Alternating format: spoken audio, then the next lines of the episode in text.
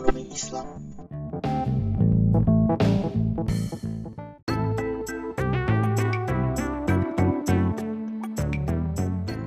Forecast Islamic Economics in your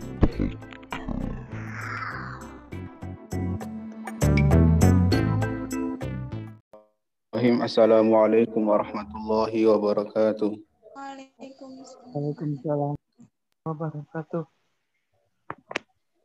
أعوذ بالله من مثل الذين ينفقون أموالهم في سبيل الله كمثل حبة أنبتت سبع سنابل في كل سنبلة مئة حبة. والله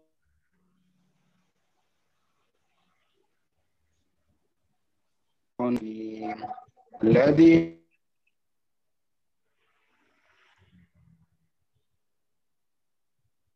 لا يبيعون ما أنفقوا لهم أجرهم عند ربهم ولا خوف عليهم ولا هم يحزنون. قول معروف ومغفرة خير من صدقة.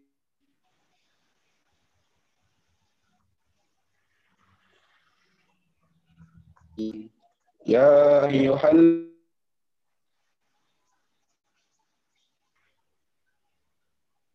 ذاك الذي رعاء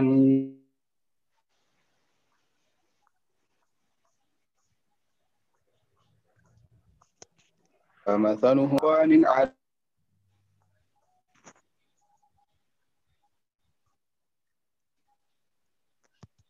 يقدرون على شيء. والله لا يهدي القوم الكافرين. ومثل الذين ينفقون أموالهم ابتغاء مرضات الله وتثبيتا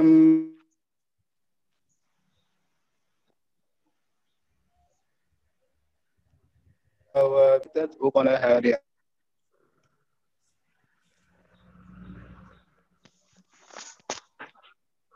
تعملون بصير. أيود أحدكم أن تكون له جنات من نخيل وأعناب تجري من تحتها الأنهار له فيها تجري من تحتها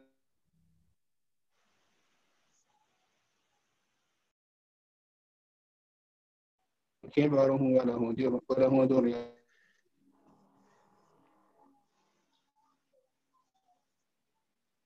احترقت.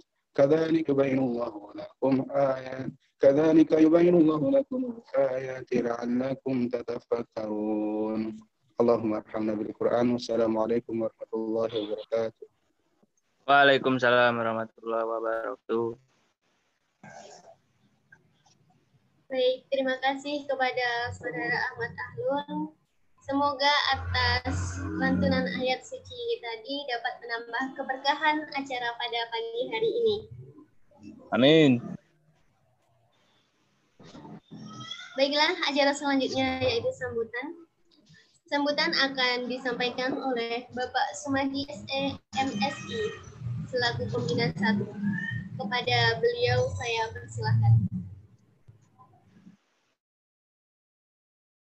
Baik, lanjut. Suara saya mohon maaf bisa terdengar ya? Bisa Pak. Bapak, Bismillahirrahmanirrahim. Assalamualaikum warahmatullahi wabarakatuh. Waalaikumsalam. warahmatullahi wabarakatuh. Alhamdulillah, alhamdulillahirabbil alamin. Waladzi arsala rasulahu bil huda wa dinil haq yudhhiruhu ala dini kullih wa kafa billahi syahida. Asyhadu an la ilaha illallah wa asyhadu anna Muhammadar Rasulullah. Allahumma shalli ala nabiyyina Muhammad wa ala sayyidina Muhammad. Qala Allah Ta'ala fil Qur'an Karim. A'udzu billahi samil alim minasyaitonir rajim. Bismillahirrahmanirrahim. Ya ayyuhalladzina amanu in tansuruha yang surkum wa yusabit aqdamakum. Shadaqallahul adzim. Allah Quran. Yang kami hormati Bapak Arif Nurhayadi SP selaku Direktur Lembaga Amal Yakat Al Ihsan Jawa Tengah sekaligus pemateri pembicara pada pagi hari ini dan yang saya cintai dan banggakan ya mahasiswa dan juga para peserta webinar pada pagi hari ini. Alhamdulillah wasyukurillah pada pagi hari ini kita bersama-sama bersua bermuajahah walaupun via Zoom ya. Ini dalam rangka uh, webinar ya atau kajian lah istilahnya tadi ya kapankah tadi ya dari yang diselenggarakan oleh kelompok studi ekonomi Islam FOTSEI Forum Diskusi Ekonomi Islam ITB AAS bersama dengan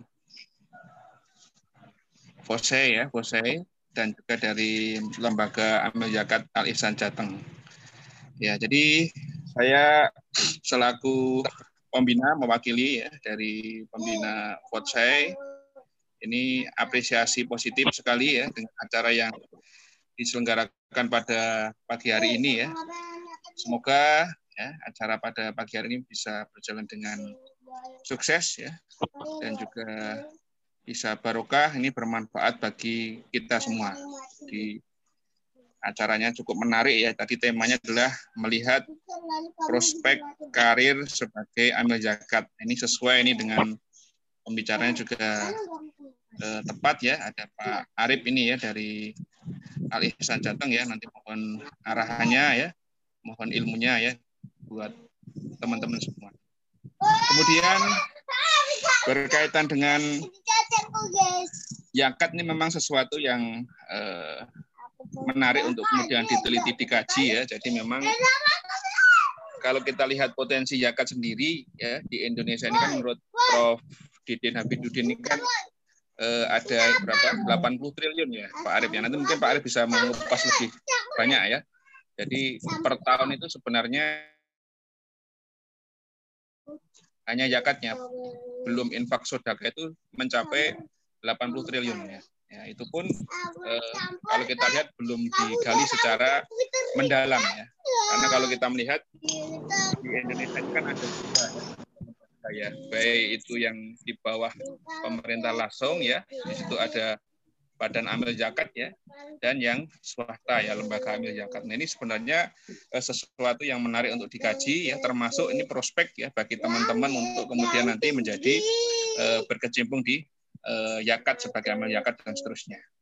Baik, eh, saya rasa itu sebagai sambutan ya selaku pembina dari Bosai. Sekali lagi saya apresiasi positif ya dan semoga acara ini bisa sukses ya bermanfaat bagi semua. Sekali lagi terima kasih ya kepada Pak Arif ya, Matunwun ya ilmunya ya ini bisa memberi uh, pencerahan ya bagi kita semua ya untuk acara pada pagi hari ini. Baik, mungkin itu dari saya selaku pembina ada kurang dan lebihnya mohon maaf. Dan nanti mohon maaf saya mohon izin Pak ya tidak bisa uh, ikut sampai selesai ya. seperti itu ya. Semoga nanti bisa ketemu lewat darat ya Pak Arif nanti ya. Kapan nanti insya Allah. Oke, dari saya sekian. Barakallahu fikum. Bila taufik walhidayah wassalamualaikum warahmatullahi wabarakatuh Waalaikumsalam. Waalaikumsalam warahmatullahi wabarakatuh. Baik, terima kasih kepada Pak Sumadi atas sepatah dua katanya. Karena ini berhubung Bu Iin selaku pembina dua sudah datang, maka sambutan kedua dari Bu Iin Emi Prastiwi SESYME selaku pembina dua. Kepada beliau saya persilahkan.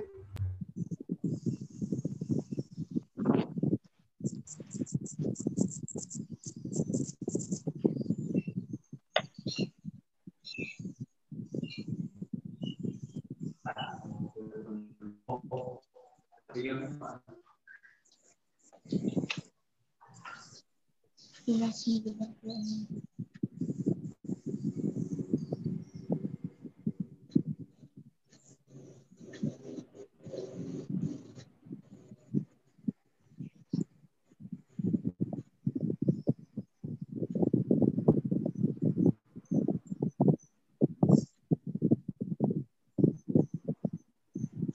Oke, baiklah karena ada halangan untuk tidak bisa memberikan sambutnya, tidak apa-apa. Jadi langsung saja teman-teman semua, mari kita masuki acara selanjutnya, yaitu acara inti. Pemaparan materi oleh narasumber sekaligus diskusi dan tanya jawab. Dan pada sesi kali ini akan dipandu langsung oleh saudara Muhammad Rom. Izinkan saya untuk membacakan profil dari moderator kita pada pagi hari ini.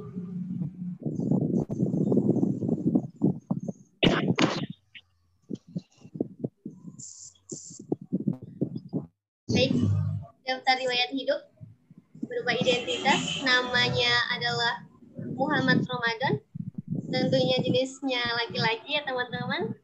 Tempat tanggal lahir Boyolali 12 November 1998. Kewarganegaraan Indonesia.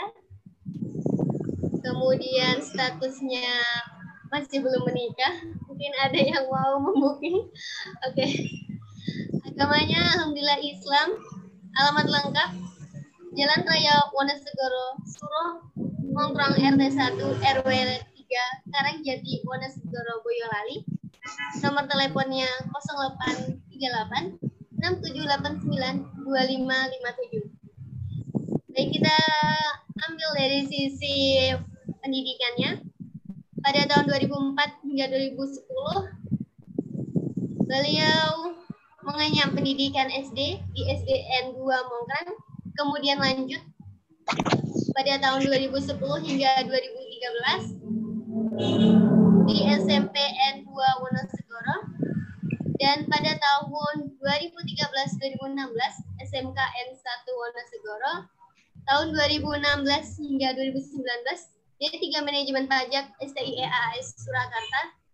Dan pada sekarang ini beliau mengenyam di pendidikan S1 Akuntansi STIEAS Surakarta dan beliau ini sudah memiliki pengalaman bekerja ternyata teman-teman yaitu sebagai fundraising legis Jateng dan sebagai fundraising Kudwa Indonesia. Tak hanya itu teman-teman, beliau juga memiliki riwayat organisasi yang pertama Ketua Bantara SMKN 1 Wonosegoro pada tahun 2014, kemudian Divisi Layanan Siswa Rohis SMKN 2 Wonosegoro tahun 2013-2016, yang ketiga Kadif Kerohanian BEM STIEAS Surakarta 2017, yang keempat Perintis LDK STIEAS Surakarta tahun 2017. Yang kelima, Ketua Umum LDK Surakarta 2018-2019. Yang keenam, Staf Sekjen Kami Al-Aqsa IAIN Surakarta tahun 2017-2020. Yang ketujuh, Puskomda FSLDK Soloraya tahun 2020 hingga 2021. Yang kedelapan, yaitu relawan program dan funding Lazis Jateng Cabang Solo.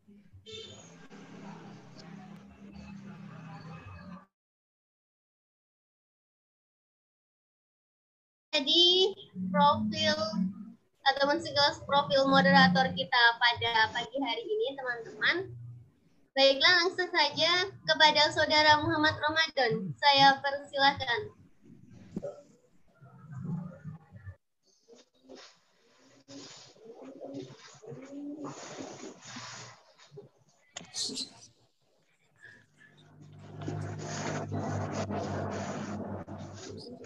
Uh, terima kasih uh, tadi dari Mbak Sendi. Uh, Bismillahirrahmanirrahim. Assalamualaikum warahmatullahi wabarakatuh. Waalaikumsalam warahmatullahi wabarakatuh. Uh, selamat pagi. Jawabnya pagi, pagi, pagi. Itu ya. Selamat pagi. Pagi, pagi, pagi. Pagi, pagi. Pagi. Itu baru semangat mahasiswa ya. Ah, Ya, teman-teman, Bismillahirrahmanirrahim. Alhamdulillah, alhamdulillahirabbil wa bi nasta'inu amma umuri tihmatin wa ala aqibatul mutakin. Asyhadu an la ilaha illallah wa asyhadu anna Muhammadan abduhu rasulullah dan nabiyya ba'da. Yang pertama-tama marilah kita selalu panjatkan bersyukur kita kehadirat Allah Subhanahu wa taala di mana pada pagi hari ini Allah masih berikan kita kesempatan untuk menuntut ilmu ya. Eh, Karena tidak semua orang eh, di luar di mana pun ke mana pun eh, belum diberikan kesempatan untuk menuntut ilmu seperti kita kali ini. Yang kedua, selawat serta salam eh, marilah kita haturkan kepada Yesus besar kita Nabi Agung Nabi Muhammad Sallallahu Alaihi Wasallam. Kita nanti nantikan syafaatnya di yaumul kiamat. Insya Allah. Amin. Ya, eh, terima kasih dari Mbak Sendiri terlalu berlebihan tadi ya dibacakan. Sebut aja alumni STI AS. Sekarang ITB AS ya. Luar biasa. Eh, saya sangat eh, gembira sekali ya. Eh, baru pertama kali ini saya jadikan moderator bersama teman-teman eh, kampus eh, tercinta saya juga. Dan eh, terima kasih eh, untuk teman-teman Hotse yang sudah memberikan kesempatan kepada saya untuk menjadi seorang moderator ya. Ya di sini eh, teman-teman kita akan membahas sebuah eh, materi yang sangat luar biasa, tentunya eh, materi yang bukan main-main, yaitu tentang peluang karir sebagai amil zakat. Sebelumnya itu eh, saya kira tadi eh, nik- eh, kapan nikah itu tak kira eh, apa ya asalnya tadi. Ternyata ada akronimnya, ada kepanjangannya ternyata. Kepanjangannya yaitu kajian akhir pekan niat barokah. Masya Allah, luar biasa ini eh, eh, apa nah eh, kreatif dari teman-teman Fotse. Eh, perlu di eh, oplos kasih oplos ya teman-teman. Kasih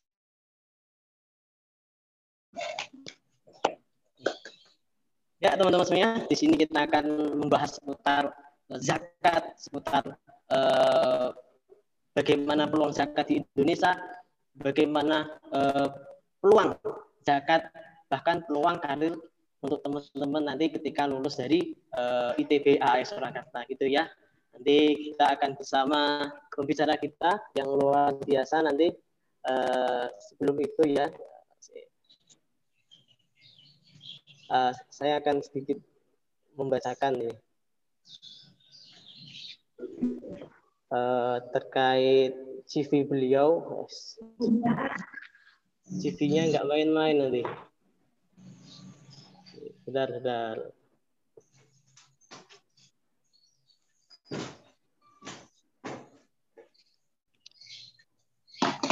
Apa ya?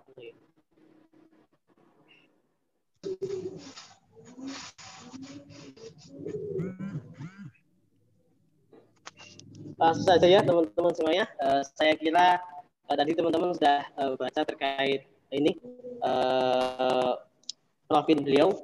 Beliau eh, bernama Arif Nur Hayati, eh, SP. Beliau adalah Direktur Lazis Jateng, eh, Lembaga Zakat Alisan Jawa Tengah. Nah, ini monggo dibawakan ini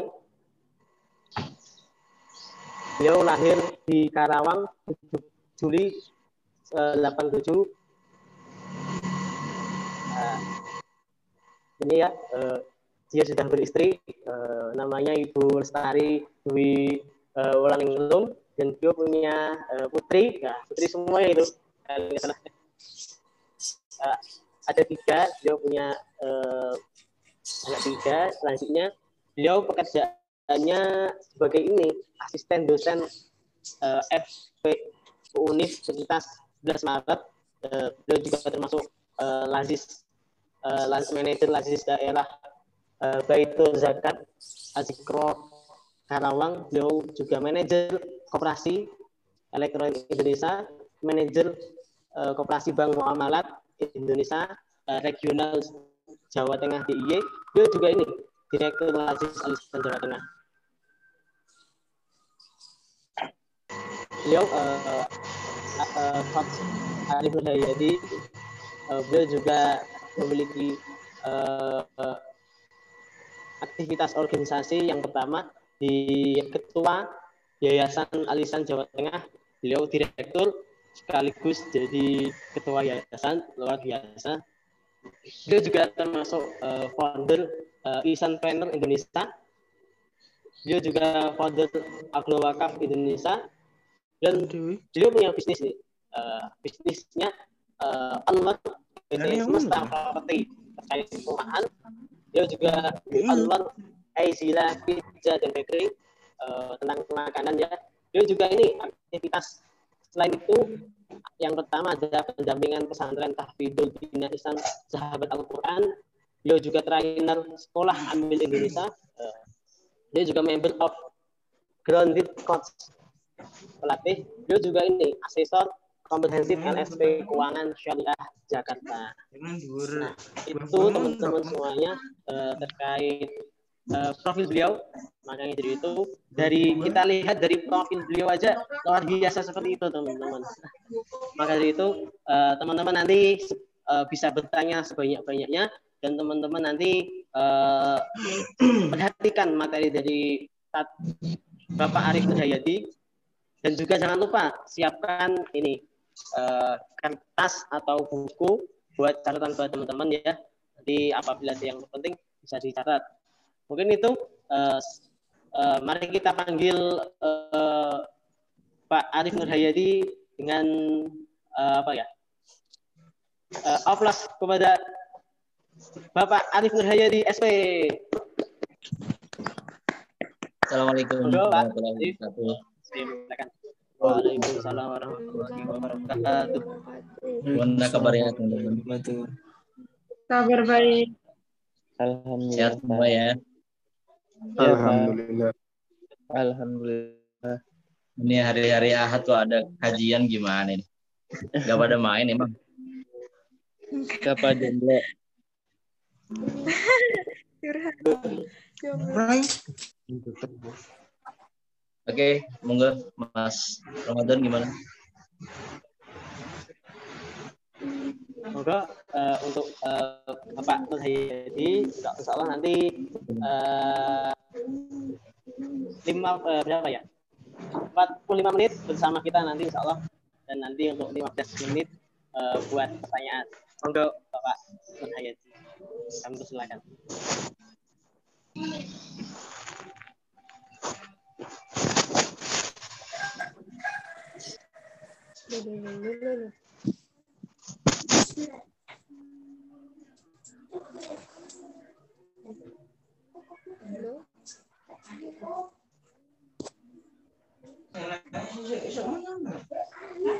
nangis biar dari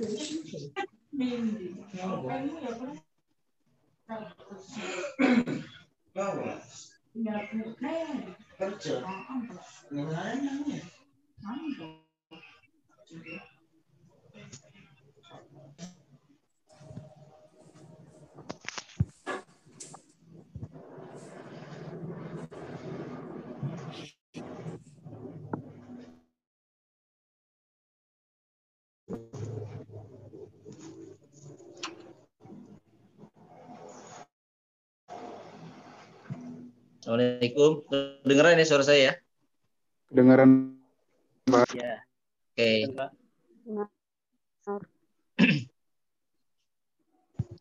Bentar, saya siapkan slide-nya dulu.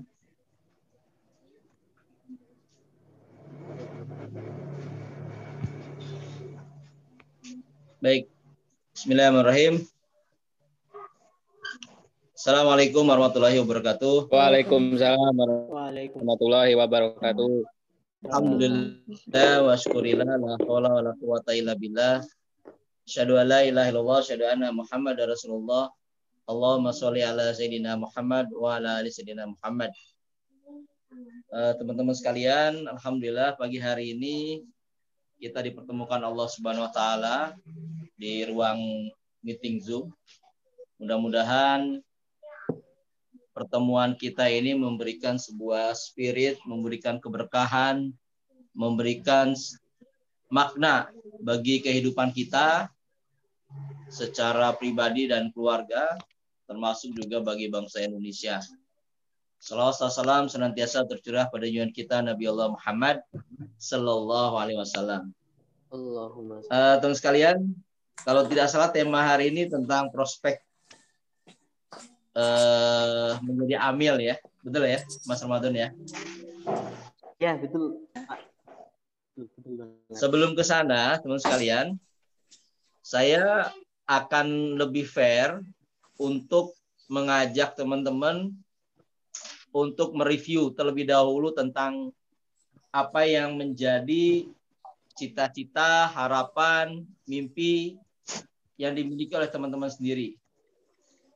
Sehingga mungkin penting bagi kita untuk menguatkan diri, uh, jati diri kita terlebih dahulu sebelum mengenal profesi-profesi yang akan kemudian kita bergelut, akan berkontribusi, akan totalitas di dalamnya. Presentasi hari ini saya akan membawa judul My Great Life Proposal. Kenapa saya bilang Great Life Proposal? Karena yang hadir di hadapan saya ini kan anak-anak muda ya. Atau ada yang tua nih teman-teman? Kalau lihat dari foto-fotonya sih anak-anak muda ya. Video-videonya.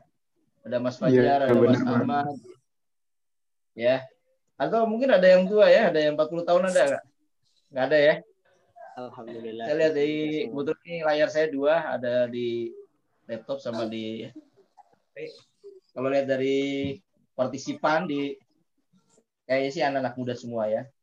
Sehingga saya punya harapan besar eh, tentang kan mudah-mudahan nanti kita bisa eh, betul-betul Anda memperlihatkan bahwa kita ini adalah anak-anak muda yang punya masa depan yang punya cita-cita besar. Nah, teman-teman, saya akan mengajak Anda untuk berpikir serius tentang diri Anda. Jadi, saya tidak hari ini membawa Anda kepada ruang uh, profesi apa pun.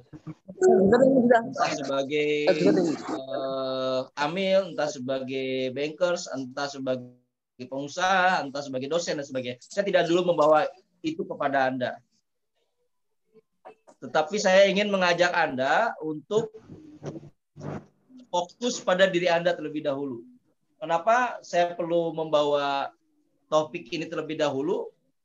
Karena saya ingin bahwa Anda sadar, Anda merasa bahwa posisi-posisi kemudian baik itu pekerjaan, kontribusi, aktivitas, organisasi dan sebagainya, itu harus dilatar belakangi dengan sebuah keinginan untuk melakukan sesuatu yang jauh lebih baik dan itu berasal dari diri kita. Maka di presentasi saya saya sampaikan yang pertama kali yang harus Anda cari dalam diri Anda, ini berbicara tentang jati diri adalah find your big way. Why? Kenapa? Kenapa saya hari ini hadir? Kenapa saya hari ini dilahirkan? Kenapa saya hari ini harus muncul? Kenapa saya hari ini bersama dengan jutaan, dua, bahkan ratusan juta orang harus mengalami sebuah kondisi yang sangat sulit. Yang konon katanya 100 tahun sekali di era pandemi COVID ini.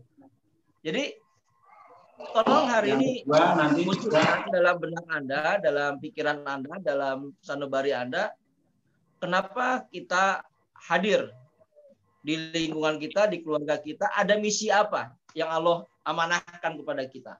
Yang Allah sampaikan kepada kita, yang Allah bebankan kepada kita, yang Allah berikan kepada kita untuk melakukan sesuatu bagi uh, lingkungan sekitar kita. Find your big wine. Nah ini penting untuk sekalian karena ini bicara tentang mindset ya. Jadi anda ini tidak uh, akan berhasil dalam artian tidak akan memiliki sesuatu yang uh, kuat dalam beraktivitas kalau Anda belum ketemu big why-nya. Nah, ini contoh ya sekalian. Uh, di depan Anda ini ada berapa gambar? Ada sembilan ya. ya. Pada lihat gambar ya? ya. Di garis uh, di kolom pertama sebelah kiri itu ada tiga jenis kendaraan. Ada bus, ada mobil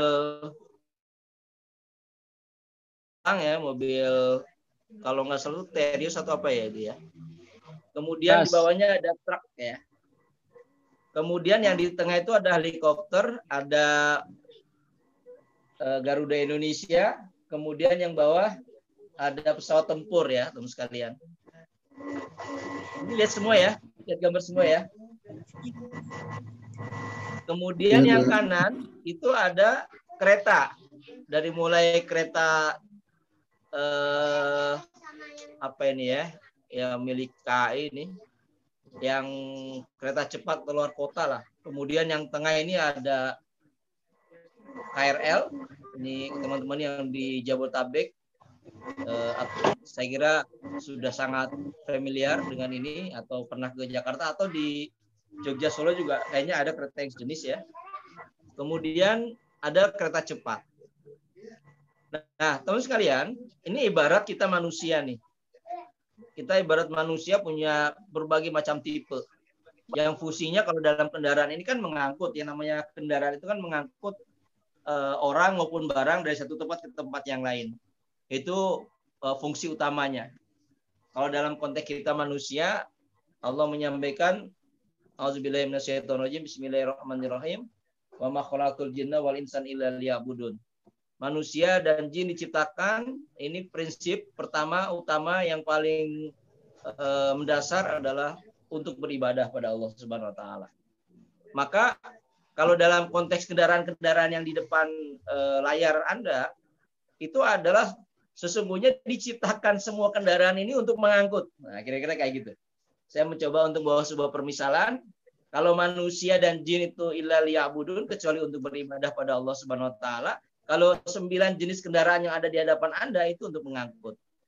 Nah, sekarang kok bisa muncul sembilan bahkan mungkin puluhan bahkan mungkin ratusan jenis uh, alat angkut. Ini belum alat angkut yang di laut ya teman sekalian. Yang saya kasih gambar ini belum yang di laut. Ada kapal, ada uh, kapal pesiar, ada kapal nelayan macam-macam. Nah, semuanya fungsinya sama, ngangkut. Yang satu ngangkut di daratan uh, dengan jumlah penumpang tertentu, bahkan untuk truk ini speknya bukan untuk angkutan orang, tapi angkutan pasir, angkutan barang. Kalau bus itu untuk angkutan orang tapi jumlahnya banyak. Kalau yang mobil van itu untuk angkutan keluarga. Nah ini sama-sama untuk angkutan, sama-sama mobil, eh, tapi beda fungsi. Begitu juga dengan pesawat, jenisnya banyak. Ada Airbus, ada helikopter, ada pesawat tempur, bahkan banyak mungkin pesawat-pesawat jenis yang lain yang barangkali dengan keterbatasan kita eh, kita tidak begitu tahu berapa jumlah jenis pesawat di dunia.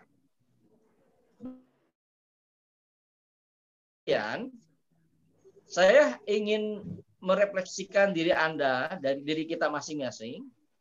Sesungguhnya fungsi kita sebagai manusia tadi betul illa liya'budun untuk beribadah pada Allah Subhanahu wa taala.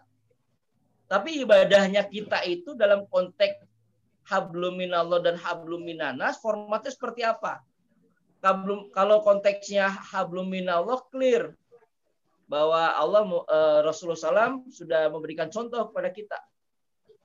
Jadi eh, kaitannya dengan ibadah mahdoh yang hubungannya dengan kewajiban-kewajiban kita sebagai seorang muslim yang itu sudah sangat diatur oleh Allah Subhanahu wa taala itu sudah diberi contoh. Kita semua sholatnya sama, rukunya juga sama, sujudnya sama, menghadap kiblatnya juga sama. Tetapi ada peran-peran yang hari ini harus kita kuatkan, yaitu peran diri kita. Saya dan Anda dilahirkan dari eh, kondisi keluarga yang berbeda, lingkungan yang berbeda, bahkan dibesarkan dalam lingkungan yang berbeda pula. Dan itu pasti ada misinya. Pasti ada sesuatu yang harus Anda selesaikan. Sama-sama di era COVID pandemi 19 ini, tetapi Anda tidak boleh ber, uh, berdiam diri. Anda harus melakukan sesuatu untuk diri Anda, untuk keluarga Anda, untuk lingkungan Anda. Maka saya sampaikan your mission itu adalah misi Anda temukan. Apa misi Anda? Kalau misinya bis itu jelas, dia ngangkut orang banyak dari satu tempat ke tempat yang lain. Jumlahnya banyak lebih dari 30 orang. Itu bis, apalagi sudah double deck uh, ya dua uh, dua lantai seperti yang ada di gambar itu jumlahnya lebih besar lebih dari 50 oh. orang. Tapi kalau real fan itu uh, lebih rendah. Nah ini ini semuanya tergantung pada kapasitas yang Allah berikan pada kita, uh, tergantung pada uh, apa yang sudah Allah anugerahkan pada kita. Jadi teman sekalian, coba temukan kenapa saya hadir di muka bumi ini, kenapa saya eh, dimunculkan oleh Allah Subhanahu taala kuliah di Solo misalkan di AS kemudian Anda eh, hari ini berinteraksi dengan banyak orang jangan hanya rutinitas mana anda merasakan? Saya kan kuliah pak. Kuliah itu kan berarti hanya sekedar eh, masuk eh, kos-kosan kemudian masuk kelas kemudian eh, rum- warung makan misalkan segitiga emas.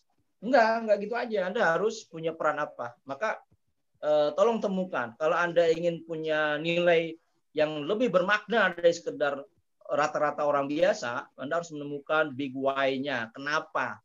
Kenapa saya harus hadir? Kenapa harus harus ada? Kenapa saya harus eh, Allah eh, berikan lingkungan yang ada sekarang ini saya harus berbuat apa? Kontribusi apa yang harus saya berikan pada mereka? Nah kemudian teman sekalian kalau anda sudah maka coba jawab empat pertanyaan ini. Pertama ini untuk menemukan big why tadi ya eh, rangkaian pertanyaan untuk menemukan big why-nya. Yang pertama di manakah eh, Anda dilahirkan dalam kondisi lingkungan seperti apa? Dilahirkan dan dibesarkan ya maksudnya ya. Jadi saya sampaikan tadi mungkin di antara kita ada yang keluarga nelayan mungkin. Eh, keluarga nelayan ada di pemukiman eh, eh, sekitar eh, pinggiran apa pelelangan ikan barangkali. Ada juga yang mungkin agak dalam walaupun eh, di lingkungan nelayan tapi tidak pas di pinggir eh, laut misalkan. Ada juga yang dilahirkan di eh, sekitar pasar bahkan dari mulai kecil dari orang tua udah terbiasa jual beli di pasar. Ada yang mungkin di antara anda yang dilahirkan dari keluarga guru dari keluarga pendidik eh, ustadz barangkali ada juga yang mungkin di antara Anda yang secara kelas ekonomi dilahirkan dari keluarga yang berada. Kebetulan orang tua eh, punya jabatan-jabatan sosial dan struktural di masyarakat misalkan atau di kantor-kantor di mana eh, orang tua Anda bekerja. Nah ini tolong definisikan where, di mana, di mana Anda dilahirkan dibesarkan, di lingkungan seperti apa. Karena dengan ini maka Anda akan eh, menyelami betul sesungguhnya di lingkungan ini saya harus berbuat apa? Kira-kira nanti ke sana. Karena di pertanyaan pertanyaan kedua dalam why big why-nya tadi di lingkungan itu apa misi yang Allah berikan pada kita? Mohon maaf nih contoh ya, contoh. Anda dilahirkan di lingkungan yang eh, ternyata ternyata di radius satu kilo rumah Anda atau tempat tinggal Anda berada sekarang itu banyak orang yang suka judi misalkan ya, ini misalkan. Maka karena Anda sekarang hari ini mengenal Islam, Anda hari ini sudah taat beragama, Anda Allah berikan hidayah untuk lebih mengenal Islam jauh dibandingkan lingkungan Anda, berarti ada misi yang Allah berikan kepada Anda. Salah satunya adalah melakukan perubahan di lingkungan Anda. Nah ini ini hal kayak gini harus disadari dulu teman sekalian. Ini harus disadari dulu supaya nanti Anda tidak terlalu uh, jauh dari uh, kondisi faktanya kehidupan Anda sehari-hari. Kemudian yang ketiga, tolong dijawab, what? Apa rencana Anda untuk menjalankan misi tersebut? Contoh ya, contoh nih, Mas Ramadan ini dilahirkan, ini kan tadi saya lihat CV-nya orang uh, Boyolali ya. Dulu ada istilah tampang Boyolali katanya gitu ya, Mas Ramadan ya. Iya betul.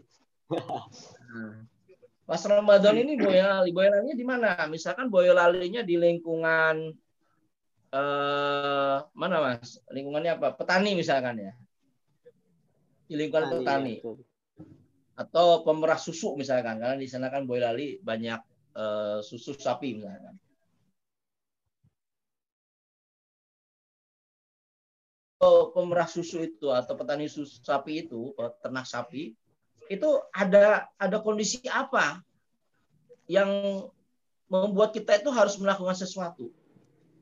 Misalkan ya, ternyata anak-anak peternak e, sapi ini misalkan ya, saya nggak tahu kondisi sesungguhnya ini misalkan, misalkan kondisi sesungguhnya di lingkungan Mas Ramadan ini eh, anak-anak perempuan itu SD selesai SD langsung dinikahkan misalkan. Itu yang membuat Mas Ramadan eh, segera pindah ke Solo misalkan atau luar kota karena eh, di desanya sudah nggak ada orang yang seusia gitu ya. Karena anak SD perempuan lulus langsung nikah Iya, iya. dengan keterbatasan pendidikan misalkan. Maka teman sekalian, kalau memang Anda menemukan di lingkungan Anda, kemudian Anda melihat bahwa itu sesuatu yang tidak ideal, maka Anda harus melakukan sesuatu. Oh, ternyata kayaknya sih misi saya di lingkungan saya ini, misi kan banyak ya, ada bicara tentang eh, di mana lingkungan kita berada, dalam konteks bangsa negara yang lebih luas lagi. Bahkan mungkin kalau Anda punya keilmuan-keilmuan tertentu, bisa jadi eh, misi Anda dalam konteks misalkan Anda hari ini di bidang ekonomi syariah misalkan. Kemudian punya referensi yang banyak, punya ilmu yang memadai dan memang Allah takdirkan mudah sekali untuk mendapatkan ilmu-ilmu tentang ekonomi syariah eh, baik dalil eh, nakli aklinya kemudian berbagai macam referensi Anda bisa bisa masuk dalam jiwa Anda dan sangat mudah untuk di disosialisasikan sosialisasikan lagi misalkan maka berarti kontribusi anda itu ya di situ gitu. kembali lagi ke lingkungan jadi ada ada misi eh, melihat kondisi kita ada di kondisi lingkungan ada juga mungkin kondisi-kondisi yang lain nah itu harus diurai teman sekalian nah kemudian nextnya kalau bicara tentang tadi misalkan case-nya Pak Mas Mas Ramadan tadi ternyata anak perempuan lulus SD kebanyakan dinikahkan. Jadi kalau udah usia 30 tahun tuh kayaknya anaknya udah udah gede-gede itu ya. Karena lulus SD, lulus SD itu kan paling 12 tahun ya. 12 tahun, 13 tahun dinikahkan misalkan. Nah, kemudian lebih situ eh, berarti kan kalau 30 tahun udah udah remaja eh, anak-anaknya. Dengan tingkat pendidikan yang sangat sederhana sekali. Maka bisa jadi Mas Ramadan harus punya sebuah tekad gimana caranya merubah kondisi kul- kultur budaya yang tanda kutip tidak menguntungkan sebenarnya. Kenapa tidak menguntungkan? Karena mereka tidak disiapkan secara lebih jauh tentang kehidupan yang harusnya lebih baik, lebih lebih eh, berakar kepada dasar agama dan kondisi aktual hari ini kekinian, gitu ya. Nah ini yang saya kira perlu di eh, termasuk kapan saya akan melakukan itu. Nah, untuk apa nanti ada roadmap-nya. Nah, terus kalian, setelah Anda men-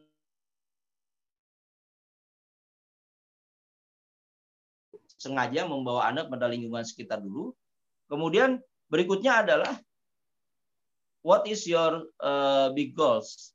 Uh, set your big goals. Uh, artinya kita Anda Anda coba untuk membuat sebuah big goals, tujuan besar.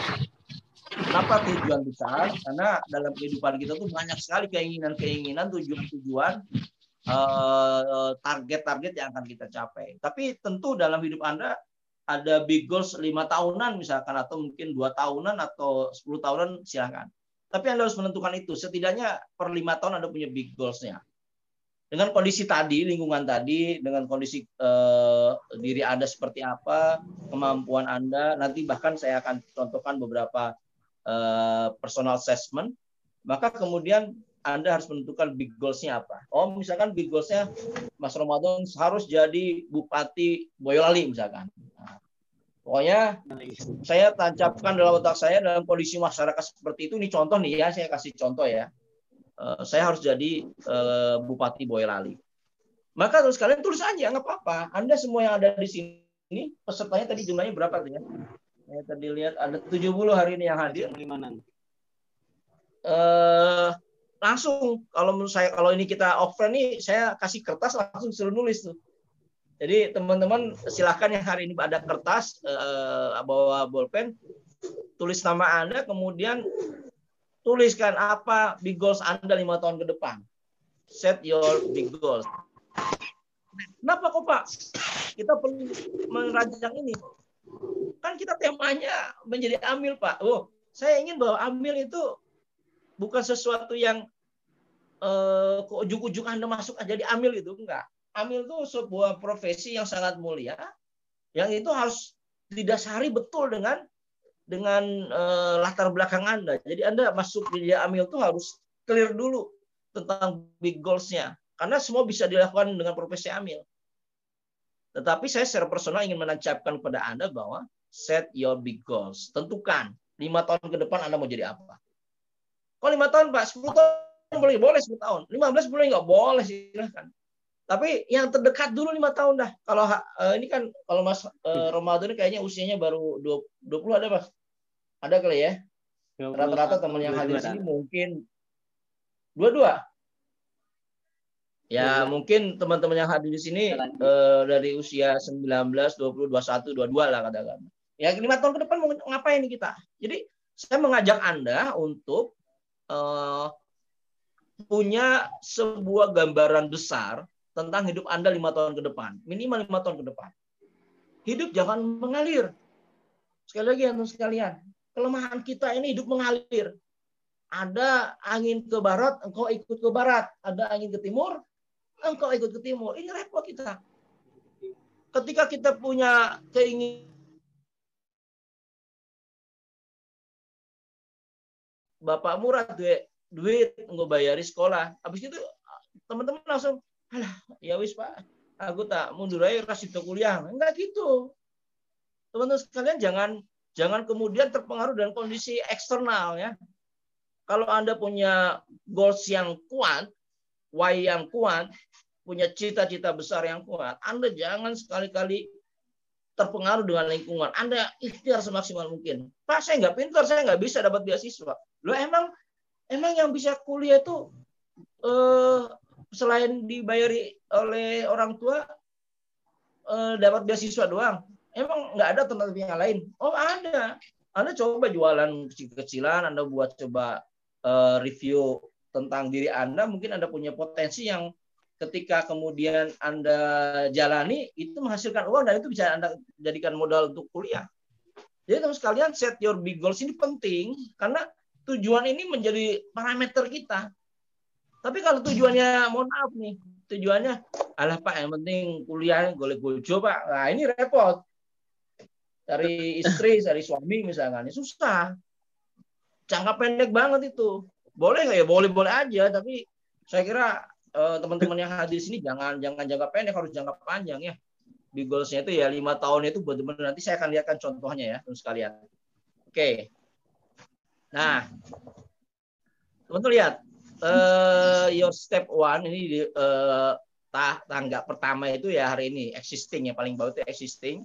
Big goals pertama itu nanti di tahun kalau lihat ini ya, kalau misalkan setiap angka uh, anak tangga itu satu tahun berarti ini ada mungkin tahun 2000, 2001, 2002, 2003, 2004, 2005 misalkan. Ini kalau kita satu satu tangga ini lima tahun misalnya satu tahun ya ada lima tangga ya berarti lima tahun. Kira-kira yang namanya big goals lima tahunan itu ya yang paling atas itu. Sementara untuk Anda memasuki tahapan-tahapannya juga ada ada small goals ya, ada uh, achievable goals. Yang itu harus Anda ciptakan juga. Uh, nanti akan saya contohkan di ini. Nah, ini di, di roadmap nih tuh sekalian. Coba Anda lihat nih. Uh, sekarang tahun 2020 ya. Ini saya ngasih contoh nanti Ya. Filenya boleh uh, dibagikan buat teman-teman. Semoga bermanfaat. Uh, ini kasih contoh ya. Untuk goals pertama, saya bilang uh, tadi goalsnya lima tahunan ya. Ini contoh berarti 2000. Kalau ini malah empat tahun ya. Kan 2020, 2021, 2002, 2003, 2004. Ini sampai 2005. Satu, 2002. Oh, ini, ini ya ada yang kurang ya. 2004 tuh harusnya tuh ada yang salah. Jadi dua, tahun 2000, 2001, 2002, iya. 2003, 2004 ya. Jadi sampai 2004. Nah, coba lihat di tahun pertama. Ini fasenya fase learning. Learning. Learning itu apa? Nah, ini ini contoh. Saya nulis contoh sekalian. Jadi saya ingin memberikan sebuah uh, sebuah gambaran. Kalau tadi itu di kalau yang ini, ini adalah uh, roadmap-nya. Masing-masing roadmap itu ada ada isu utamanya. 2020 learning, berarti pembelajaran. Fokus belajar lah kira-kira gitu. 2021 Anda baru lulus fresh graduate kira-kira kayak gitu ya. Kemudian 2022 fasenya Anda networking membangun jaringan. 2023 household ini berumah tangga misalkan. Kemudian di 2024 uh, ini goals pertamanya apa? Anda ciptakan. Misalkan nanti saya akan lihatkan nih di nah di sini. Misalkan goals pertamanya itu adalah bangun rumah secara bertahap. Jadi empat tahun Anda sudah punya rumah misalnya. Pak bisa nggak bisa? Ini saya asumsi Anda nggak ini loh ya. Bukan rumah warisan loh ya. Kalau rumah warisan kayak Ramadan ini kan Mas Ramadan ini teman sekalian orang paling kaya di Boyolali ya. Jadi beliau itu tujuh turunan kaya semua. Uh, cuma sayang beliau turunan ke delapan gitu ya. Jadi jadi nggak jadi dapat warisan banyak gitu ya. Padahal orang tuanya tujuh turunan tuh kaya semua. Cuma karena beliau turunan ke delapan jadi ya ya nasib lah gitu. Nah ini contoh ya. Misalkan kita bukan dari orang kaya, bukan dari keluarga kaya, tidak dapat warisan, kita punya cita-cita nih hari ini 2020 2024 kita punya rumah misalkan kita bangun rumah. Kemudian Anda menjadi donatur rutin, regular donor of 20 orphans. Ini anak yatim ya. 20 anak yatim. Kemudian income Anda 1.500 US dollar per bulan. Berarti kira-kira berapa? Sekarang itu katakanlah 15 ribu ya. 22 juta lah gitu kira-kira ya. Ini, ini Pak ngimpi Pak, ya nggak apa-apa. Ini juga eh, rencana ya. Jadi Orang nulis 22 juta per bulan dengan 2 juta koma 2 ya sama aja kok sama sama nulisnya gitu, sama capeknya kan. Mendingan sekaligus gede aja. Jadi ini contoh ya, Mas. Ini contoh roadmapnya Mas Ramadan misalkan ya. Amin ya. Jadi Mas Ramadan ini punya cita-cita. Ini kebetulan uh, moderatornya Mas Ramadan ya. Jadi saya kasih contoh ya. Atau saya kasih contoh yang lain ada Mas Rio Pras ya. Terus kemudian ada Bapak Dila, Nah ini ini ini contoh ya, misalkan saya takut Mas Ramadan marah gitu ya nanti. Saya ganti contoh yang lain lah. Udah disebut tambang bola kemudian tambang di forum lah kasih contoh. Siapa ya yang contoh Mas Ah Ahlun ya, mana Mas Mas Ahlun nggak ada wujudnya ya, nggak ada Ahlun, Ahlun. wajahnya ya. Nah, misalkan Mas Ahlun nih, Mas Alun tuh uh, cita-citanya dia tahun 2024 sudah punya rumah, kemudian uh, donatur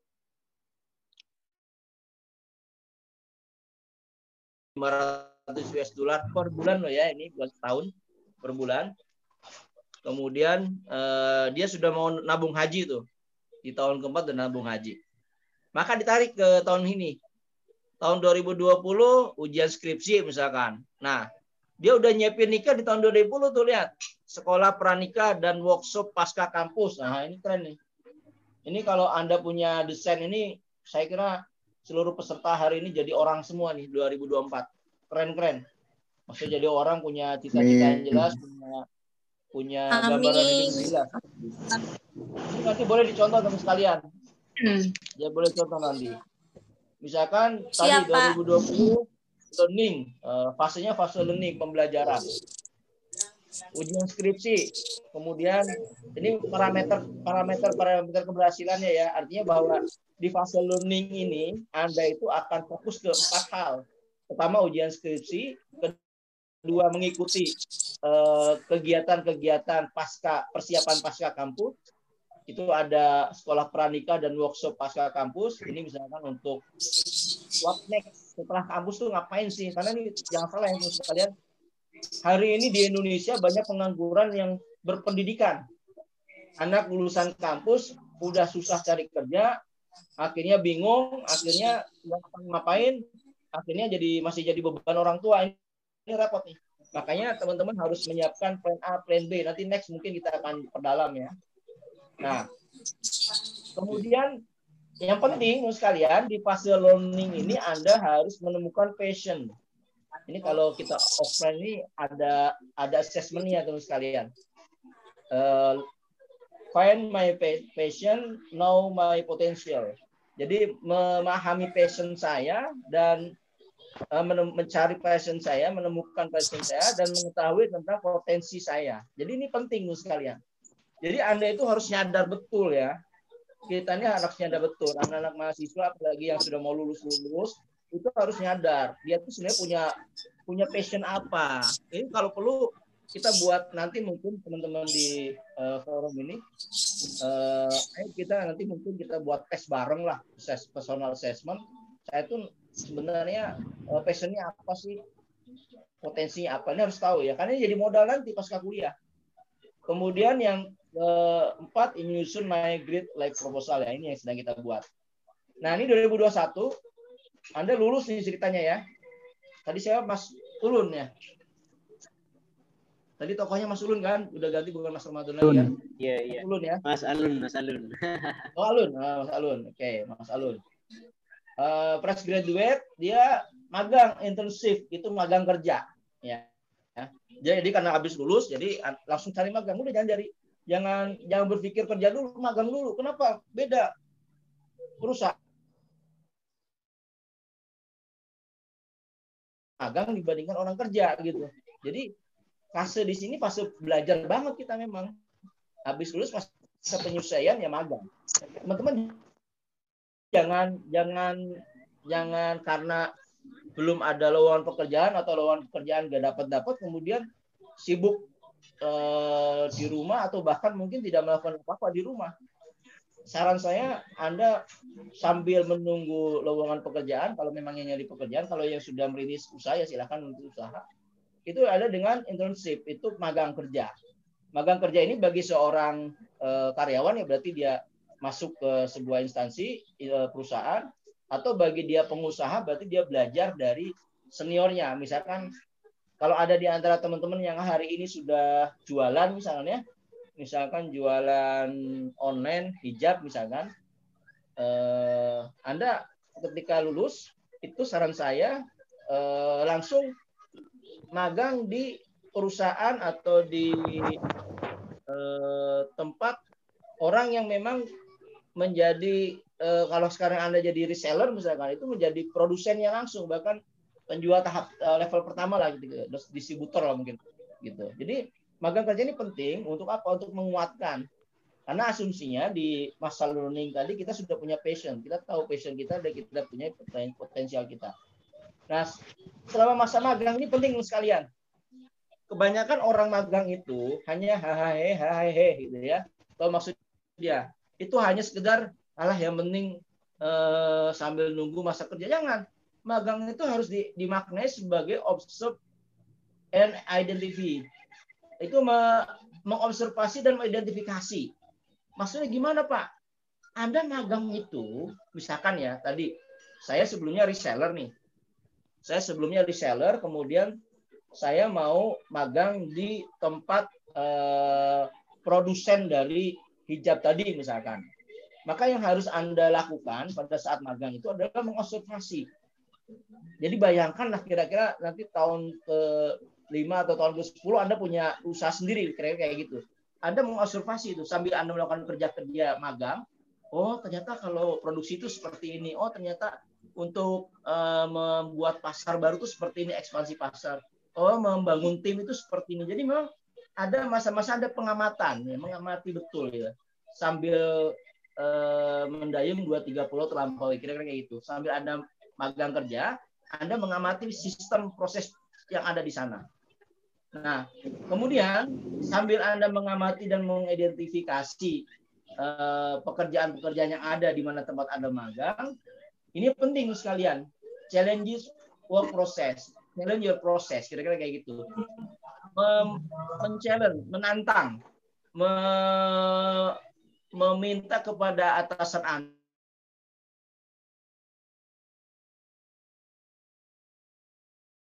kira-kira kayak gitu. Pak kasih dong eh, pekerjaan yang yang berbobot. Saya masa tiga bulan kayak gini kayak gini terus misalkan. Jadi boleh nggak eh, kita sebagai eh, fresh graduate itu minta kepada atasan kita untuk eh, dapat apa eh, ini baru ya apa namanya dapat pekerjaan baru atau taman pekerjaan oh boleh banget tuh sekalian boleh banget makanya ini eh, penting buat anda untuk melakukan eh, apa namanya pengamatan sekaligus challenge your proses. Bentar ya teman sekalian.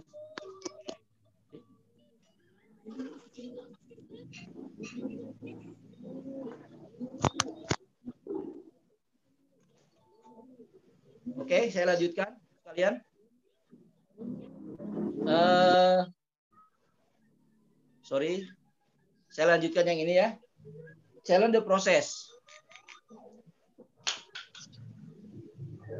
Yang berikutnya adalah Anda coba mengikuti proses untuk promosi ya di perusahaan. Ini contoh ya, ini contoh eh, personal roadmap-nya. Jadi di tahun 2021 kita mem- membuat sebuah perencanaan, saya harus magang kerja, saya harus mengamati dan mengidentifikasi bisnis yang ada di sana. Saya harus eh, menantang diri saya untuk mendapatkan pekerjaan yang lebih baik atau yang lebih lebih berat. Kemudian saya mencoba untuk untuk promosi ya eh, atau mengikuti aktivitas-aktivitas penguatan di perusahaan tersebut. Nah, kemudian di tahun 2002 ini contoh ya, membangun networking. Jadi nanti mungkin teman-teman bisa mempelajari ini. Networking ini poinnya adalah Anda membangun relationship ya. According to passion, sesuai dengan passion Anda. Ini poinnya. Di bawah-bawahnya ini adalah aktivitas yang menunjang eh, membangun networking. Tahun 2023 household ini menikah tadi ya, married. Kemudian Anda sudah mulai menabung untuk untuk beli lahan ini ceritanya Mas Alun ini nggak nyicil ke bank nih kalau buat rumah. Jadi dia nyicilnya nyicil beli tanah dulu. Ya satu bulan satu meter, kemudian bulan kedua dua meter, kira-kira gitu gitu. Terus gitu. Ini rencana hidup nih. Ya. Kemudian eh, rencana hidupnya gajinya satu seribu dua ribu seribu dua ratus US dollar per bulan misalkan. Nah ini contoh ya. Nah ini ini teman sekalian harus punya ini, harus punya roadmap lima lima tahun ke depan. Kenapa kok harus? Saya bilang karena ini akan me- mendesain otak kita. Jadi akan membuat otak kita itu lebih dinamis, lebih eh, tertantang. Kalau anda nggak punya rencana seperti ini, saya kira hidup anda pasti akan mengalir tuh, pasti akan mengalir. Silahkan dicek. Nah, dengan adanya ini maka saya berharap anda tidak Nah, kalau Anda sudah punya perencanaan, eh, bahkan ini kalau di di persona roadmap ini itu di find my passion and know my potential. Ini hubungannya dengan Anda mengenal passion dan mengetahui potensi Anda.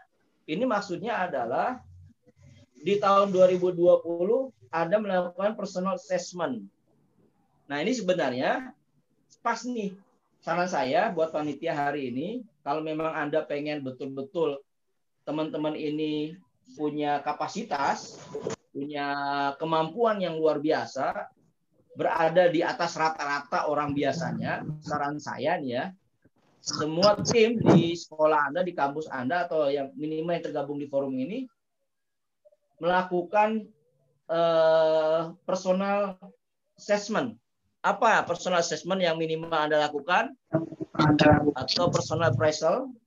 Pertama adalah dengan metode DISC. Ini ada dominance, influence, compliance, steady. Ini DISC ini penting sekalian. Jadi Anda harus eh, ini saya bilang harus ya. Kenapa saya bilang harus? Ini salah satu metode untuk mengenal diri kita. Jadi kalau seorang yang dominan itu biasanya tipikalnya dia uh, suka memimpin. Jadi kalau Anda punya karakter dominan, ya nanti Anda akan menentukan oh di mana pun saya bekerja, di mana pun saya beraktivitas, saya sangat cocok sebagai pimpinan. Kemudian kalau Anda influence, itu dia cocoknya marketing, presenter, negosiator. Nah ini ini kayak ini perlu di perlu dipelajari sekalian dan perlu di, dilakukan oleh Anda. Karena hari ini saya kira eh, apalagi di era persaingan yang luar biasa, di, di satu sisi kita bersaing dengan banyak kompetitor, di sisi lain juga sedang pandemi, maka eh, tentu persaingan jauh lebih ketat.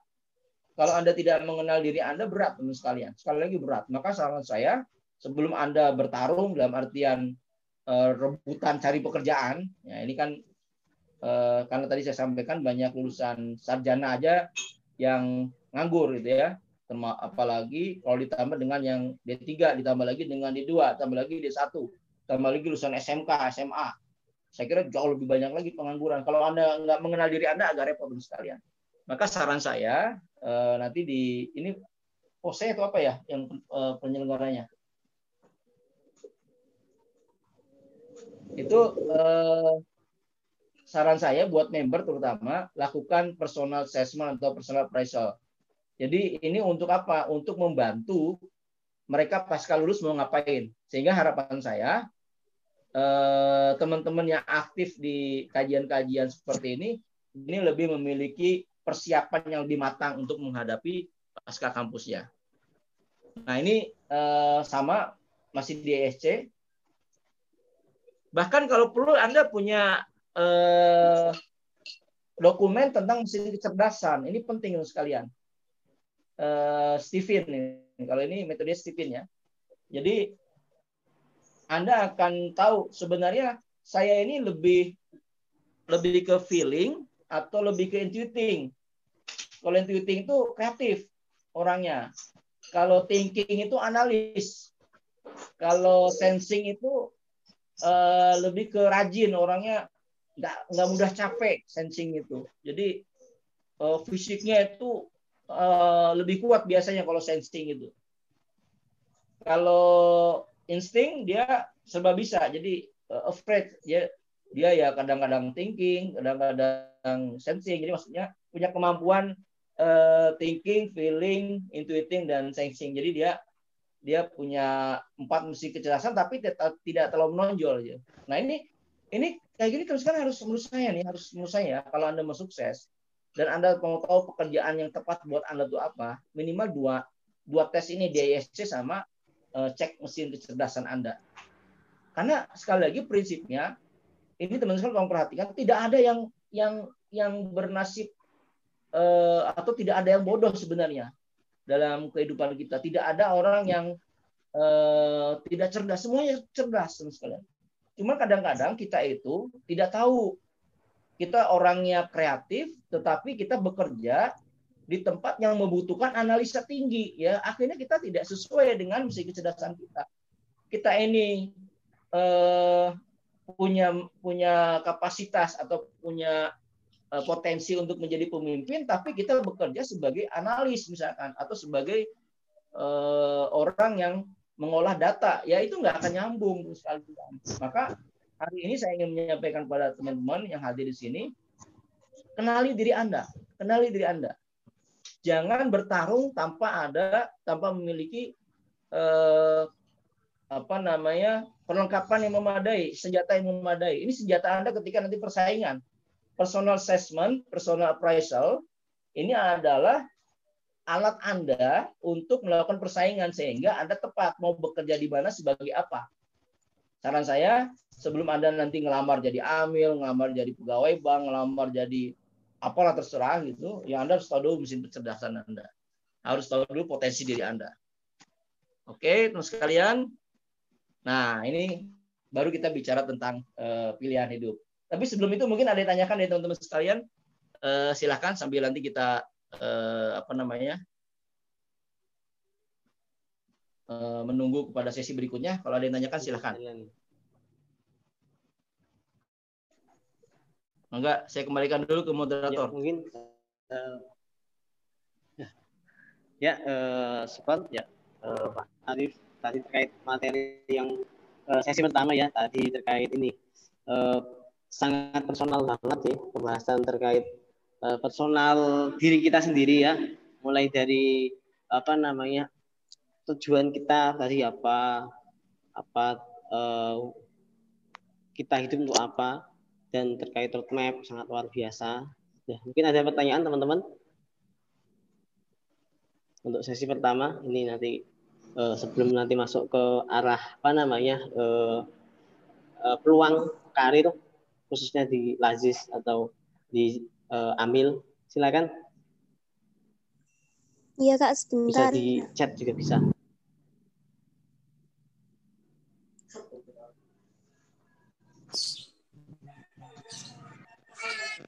Mungkin saya kasih waktu dua menit ya, biar nggak lama. Sambil disiapkan ini eh, terkait persiapan personal kita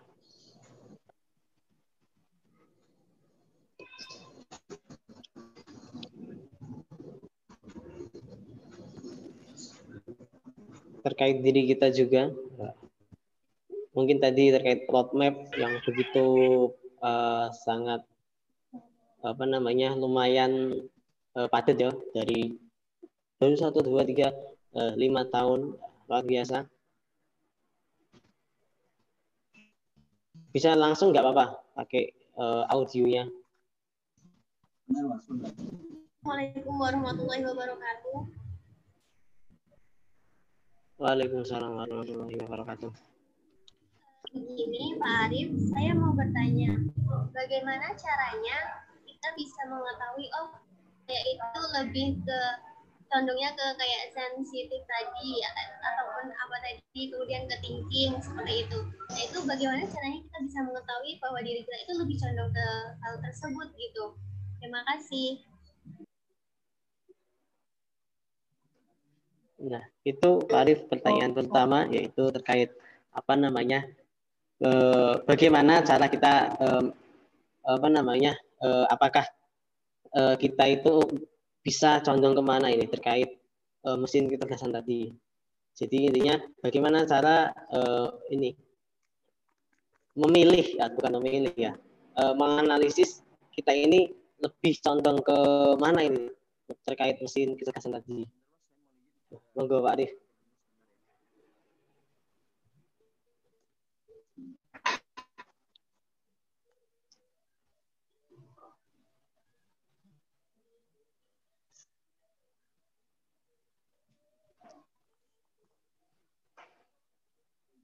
Cek.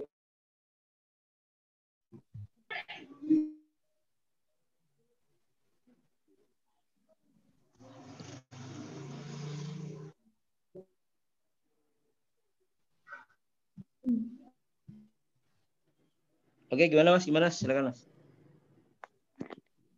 Oh ini Pak, tadi dari Mbak uh, siapa Mbak Jundi dia beliau bertanya ini uh, terkait uh, bagaimana cara uh, penggunaan mesin kecerdasan. Nah kita itu di bagian mana nanti untuk kecerdasan tersebut. Nah bagaimana caranya itu Pak? Oke, jadi gini ya teman-teman. Uh, personal assessment ini berhubungan dengan mesin kecerdasan, nanti ada arahan-arahan. Sesungguhnya kita itu lebih dominan di mana? Seseorang itu akan lebih mudah untuk melakukan peran-peran di masyarakat atau dalam kehidupannya ketika dia tahu persis atau sesuai dengan mesin kecerdasannya. Ini contoh ya. Misalkan Anda punya mobil. Mobilnya itu harusnya itu bahan bakarnya Pertamax. Tetapi Anda makainya premium atau bahkan mungkin solar misalkan. Akhirnya mobil yang harusnya itu melaju kencang itu akhirnya terganggu karena bahan bakarnya tidak sesuai.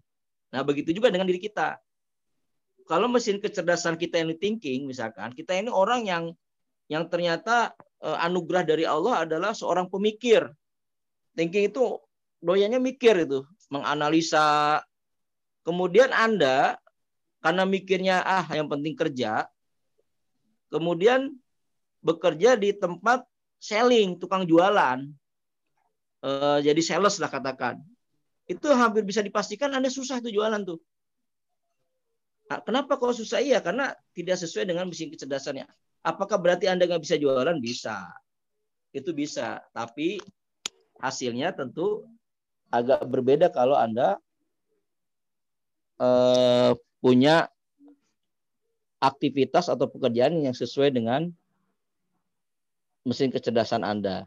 Jadi ini yang saya sebut sebagai bagaimana kita bekerja beraktivitas sesuai dengan fitrah yang Allah berikan pada kita.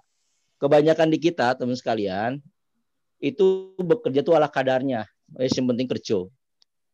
Karena kita sing penting kerja, maka yang apa yang terjadi kita nggak maksimal karena kita bekerja tidak sesuai dengan apa yang Allah anugerahkan pada kita. Tadi contohnya, kalau misalkan contoh yang lain nih, Anda ini eh, hari ini bekerja dianugerahi menjadi seorang eh, atau bekerja di bagian administrasi misalkan.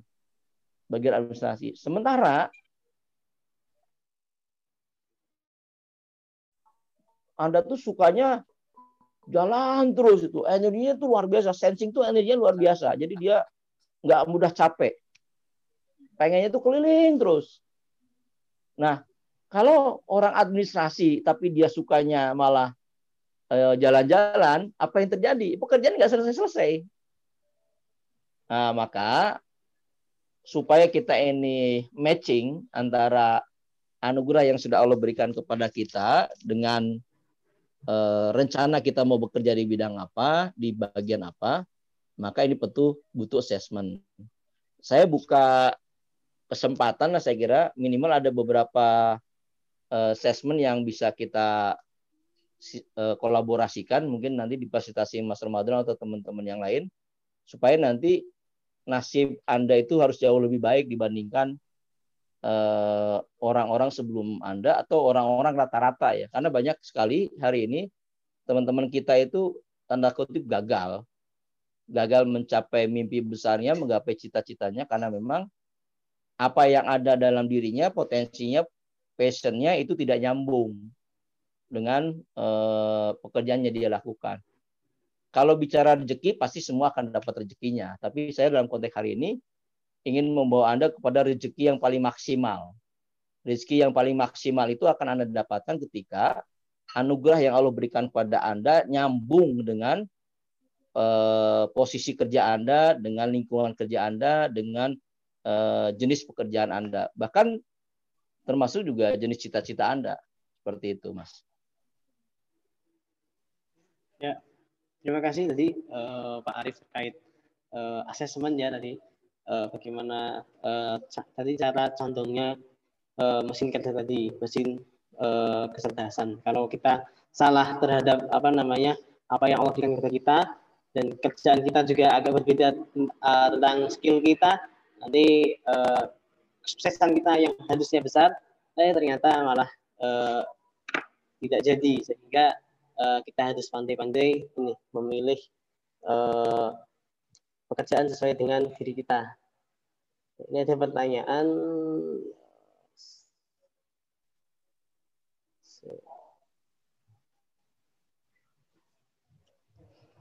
Ini ada pertanyaan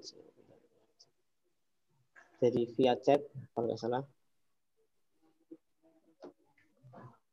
Assalamualaikum warahmatullahi wabarakatuh. Uh, perkenalkan, nama saya Sunarti dari Prodi S1 Ekonomi Islam Syariah saya mau bertanya Pak, saya mempunyai angan-angan untuk lima tahun ke depan ingin mempunyai usaha. Nah, dalam angan-angan saya itu banyak contohnya ingin uh, punya usaha menjadi penjahit dan lain-lain. Namun saya belum tahu pasion atau kelebihan saya itu, itu di bidang apa. Uh, sekian terima kasih. Ini berarti uh, masih bingung Pak terkait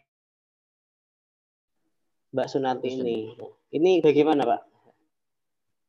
Agar jadi gini, uh, uh, kalau hari ini ada peserta kalau hari ini ada 70 orang uh, peserta, pertanyaan saya teman-teman uh, itu sudah mengenal diri sendiri atau belum? Sudah kenal belum dengan dirinya sendiri?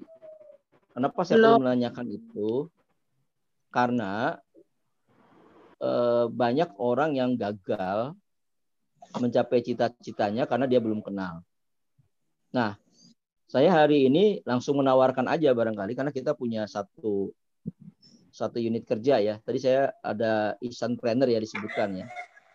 Nah, Isan Planner itu salah satunya adalah memberikan eh, pelatihan sekaligus juga personal assessment bagi anak-anak muda supaya apa? Supaya dia tepat dalam menjalani kehidupannya.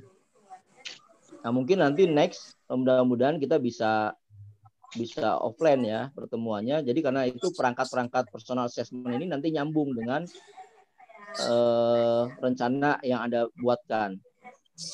Bicara cita-cita bukan angan-angan lah ya, Mbak Mas. Bicara cita-cita itu bukan angan-angan. Cita-cita itu adalah big goals kita, tujuan besar kita. Cita-cita itu harus dirangkai. Rangkaian cita-cita yang baik adalah ketika Anda bisa menyatukan potensi diri Anda, kebutuhan lingkungan sekitar Anda, yang tadi Y tadi, dan latar belakang pendidikan Anda. Jadi kalau latar belakang pendidikannya cocok, cita eh, cita-citanya tujuannya itu pas, kemudian eh, lingkungannya Anda juga sesuai dengan cita-citanya, saya kira di situlah kesuksesan dalam konteks eh, karir ya.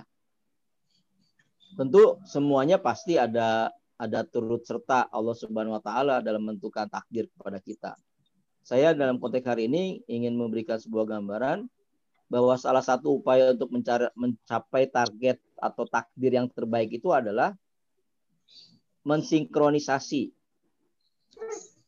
antara potensi Anda, latar belakang pendidikan Anda, cita-cita Anda, lingkungan kerja Anda, dan lingkungan di mana Anda tumbuh dan berkembang. Mohon maaf kalau Anda cita-citanya menjadi seorang hafid Quran misalkan, tapi Anda bekerja di tempat yang uh, sama sekali tidak ada hubungan dengan hafid Quran ya Anda kan tidak akan pernah hafal Quran gitu. Atau Anda seorang ekonom misalkan, udah kuliahnya di ekonomi benar. Uh, tapi ternyata di ekonomi nah ini kan jadi jadi repot. Tapi sekali lagi kalau masalah masalah rezeki pasti Anda dapat tuh. Cuma saya konteksnya hanya ingin memaksimalisasi supaya rezeki itu bisa lebih maksimal. Bahasa saya sederhananya jangan menjadi orang rata-rata, apalagi di bawah rata-rata. Jadi saya ngomong ini supaya Anda semua menjadi orang di atas rata-rata. Rata-rata orang setelah lulus kuliah itu banyak yang nganggur, silahkan dicek.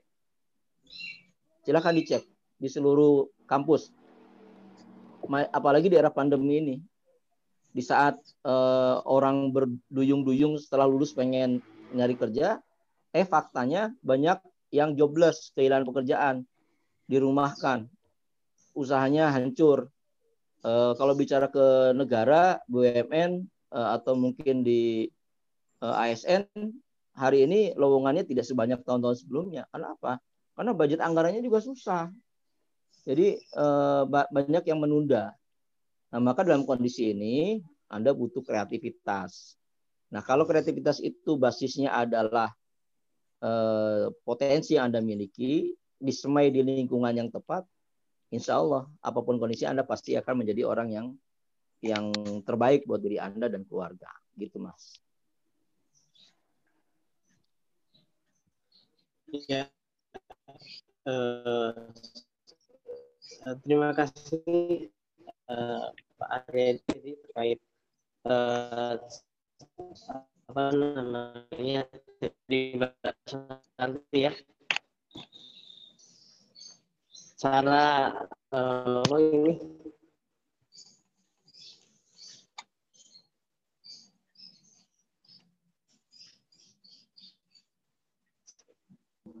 Gak kedengeran mas?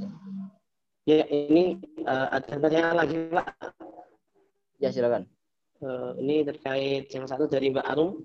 Uh, ini gambaran ini Pak terkait roadmap kita. Mbak Arum Malinda ini Pak. Tadi uh, bagaimana cara untuk memotivasi kita agar uh, gambaran tersebut bisa uh, tercapai gitu Pak. Gambaran Dan apa? yang kedua ini gambaran tujuan kita, goal kita. Oke. Okay mungkin tadi tahun ya 2001 sampai 2004 2024 gitu pak. Oke. Okay. Eh, intinya bagaimana caranya sama ini yang kedua ada okay. kalau kita eh, sebaiknya kita itu itu kan yang pertama yang kedua ini sebaiknya eh, kita itu konsisten dalam satu hal apa kita juga perlu mencoba hal lain dalam uh, ini untuk mencari pekerjaan apa namanya kualitas kita pekerjaan kita nah seperti itu oke ya jadi gini teman sekalian saya sekali lagi semakin Anda mengenal potensi Anda, passion Anda, passion itu gini, kalau mudahnya ya. Kalau Anda melakukan sesuatu dan Anda senang, sangat senang banget gitu. Kalaupun nggak dibayar mau gitu kira-kira. Itu passion Anda. Apalagi kalau dibayar. Ada orang yang senang misalkan jahit misalkan. Jahit itu hobi, hobi. Jadi sebenarnya pekerjaan yang paling paling tepat dan paling prospek itu adalah pekerjaan sesuai dengan hobi Anda. Dengan uh, kesukaan Anda. Kalau sukanya itu ngomong, nyerocos gitu ya. Ya udah jadi uh, apa MC atau jadi uh, kalau penyiar radio misalkan atau televisi atau ya pokoknya yang hubungan dengan uh, kesenangan Anda ngomong di depan publik, trainer misalkan dan sebagainya. Tapi kalau senangnya itu ngerenung, mikir, kemudian menganalisa, nah itu berarti Anda harus bekerja apa pun uh, di mana pun perusahaannya, ya hubungannya dengan kemampuan analisa Anda. Nah, berhubungan dengan dengan roadmap kehidupan tadi, teman sekalian, roadmap itu setiap eh, diciptakan minimal kalau saran saya lima tahun sekali. Walaupun dalam perkembangan setiap tahunnya terus, terus harus terus dievaluasi. Roadmap ini hanya guidance. Guidance itu berarti eh, petunjuk arah. Guidance ini petunjuk arah. Kalau misalkan eh, Anda itu betul roadmapnya, kemudian jalan menuju roadmap itu tepat, saya kira eh, kalaupun tidak 100%, ya minimal 50 atau 60% akan Anda bisa capai. Misalkan tadi Anda roadmap tahun ini uh, learning, learning, learning ini parameternya ada ujian lulus skripsi. Ujian skripsi lulus. Maka karena ini adalah guidance, Anda harus mengeluarkan energi supaya lulus. Jadi tahapan Anda harus lulus, berarti Anda harus mengejar apa pun yang terjadi gitu. Tentu roadmap itu mempertimbangkan disusun saat kelulusan itu misalkan ya 70 eh, SKS misalkan, sementara Anda masih 35 ya nggak bisa. Berarti roadmapnya ter, tertunda. Tetapi saya pastikan orang yang bekerja, beraktivitas dengan roadmap itu dengan orang yang mengalir begitu saja. Karena dia nggak punya arah. Tetapi bagi orang yang sudah punya arah akan enjoy menikmati semuanya. Pasti tidak akan 100% sebagaimana yang diharapkan. Tapi setidaknya ini adalah menjadi arah kita. Ibarat kata gini, kalau Mas Ahlun mau ke Jakarta dari Solo, maka jalur pertama yang ditembus adalah eh, jalur pantura kalau naik kendaraan umum atau bawa mobil sendiri misalkan. Kalau bawa motor sendiri mungkin jalur non tol, tapi kalau bawa mobil duit ada lewat tol. Nah ini kan uh, sebuah guidance. Atau kalau anda duit banyak, waktunya butuh cepat, anda selalu Semarang, eh selalu Jakarta. Tapi kalau anda nggak buru-buru, santai, dan uang terbatas ya pakai mobil. Tapi kalau mobil juga mahal, ya ngebis. Ngebis mahal juga naik motor. Tapi tujuan kita jelas, ke Jakarta. Jangan sampai gini, Anda merasa diri ke Jakarta, eh tiba-tiba malah arah ke Malang. Kenapa? Anda nggak tahu tujuan antaranya. Mau ke Jakarta itu kalau di Solo, Semarang. Semarang Pekalongan. Pekalongan Cirebon, eh Tegal, Tegal Cirebon, Cirebon eh, Cikampek, Cikampek, Bekasi, Jakarta. Ini roadmap ke Jakarta. Tapi karena Anda nggak ngerti roadmapnya, Anda kira dari Solo itu ke Semarang, kemudian ke Demak, kemudian ke Pati. Nah itu malah salah jalan. Nah, roadmap itu untuk membantu itu sebenarnya. Jadi untuk mengarahkan Anda supaya mencapai tujuan, tujuan hidupnya. Makanya sangat eh, sangat sayang sekali kalau anak-anak muda nggak punya roadmap kehidupan. Dan yakin loh sekalian, kalau Anda punya roadmap itu akan lebih mudah, lebih terarah dan otak kita itu akan ter eh, ter mendrive ya, mendrive itu mengarahkan eh, tenaga kita, pikiran kita, fokus kita kepada roadmap tersebut. Dan roadmap itu akan dibawa ke mana-mana. Selain Anda mungkin bisa tempel di, di, di tempat ruang tidur Anda, di kamar Anda, di ruang belajar Anda, kalau Anda sudah bekerja di kantor Anda, kalau di kampus ya bawa di tas terus misalkan. Nah, itu roadmap.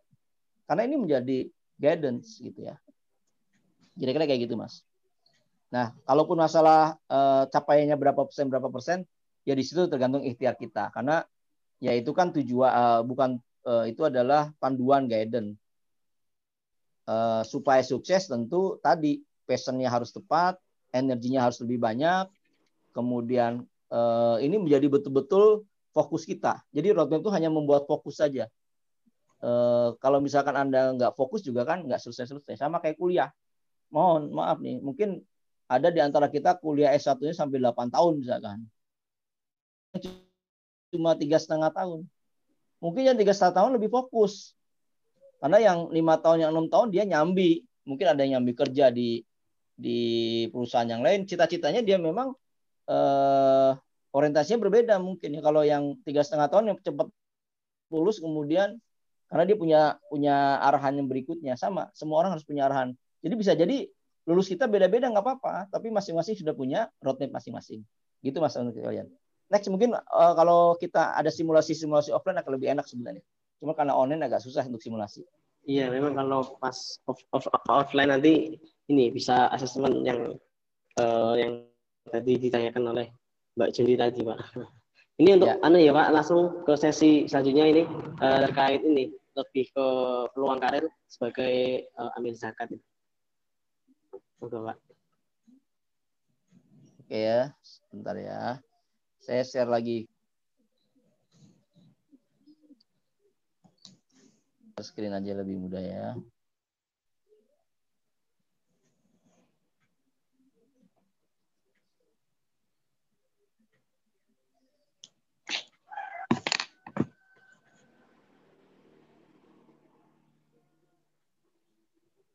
Oke, uh, teman sekalian, tadi sampai sini kita ya slide-nya ya. Nah, saya coba sedikit mereview tentang uh, di sesi pertama. Pertama kita harus mengenal bab big why-nya, kenapa saya hadir, kontribusi apa yang harus saya berikan.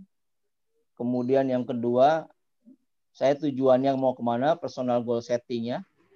Ya, saya review sebentar nih supaya nyambung. Nah, ini Anda kenali who am I-nya, siapa Anda. Kemudian tentukan big goals Anda lima tahun ke depan. Oke.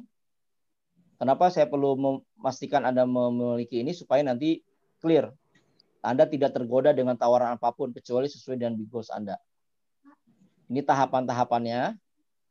Ini yang tadi saya sebut roadmap tadi. Oke ya. Ini rincian roadmapnya, aktivitas roadmapnya. Ini personal appraisal atau personal eh, assessment yang paling sebut sering disebut personal assessment sebenarnya. Ya, ini ada di ESC, ada uh, mesin kecerdasan Stephen. Masih banyak alat lain. Saya hanya ingin memberikan sebuah gambaran. Anda harus uh, punya atau mengetahui tentang di siapa diri Anda sesuai dengan tes uh, psikologi. Salah satunya dua alat tes ini. Nah, kalau Anda sudah punya itu, baru Anda tentukan karirnya mau di mana. Jadi contoh, saya ini misalkan uh, mesin kecerdasannya thinking. Saya itu seorang analis. Saya itu uh, uh, tapi saya itu orang yang sangat uh, komunikatif dengan orang lain misalnya. Kemudian eh, ternyata juga hasil assessmentnya saya memiliki bakat jadi pemimpin misalkan. Maka teman sekalian, di mana pun Anda berkarya, di mana pun Anda bekerja, itu pasti arahnya sesuai dengan itu. Ya targetnya jadi pimpinan, ya kalau di konteks pekerjaan jadi supervisor, jadi manajer, jadi eh, direktur bahkan kalau perlu gitu ya. Nah, berarti harus komunikasi, komunikatif. Berarti Anda nanti menjadi modal Anda berkomunikatif. Di mana pun Anda bekerja, itulah lingkup pekerjaan Anda sesungguhnya.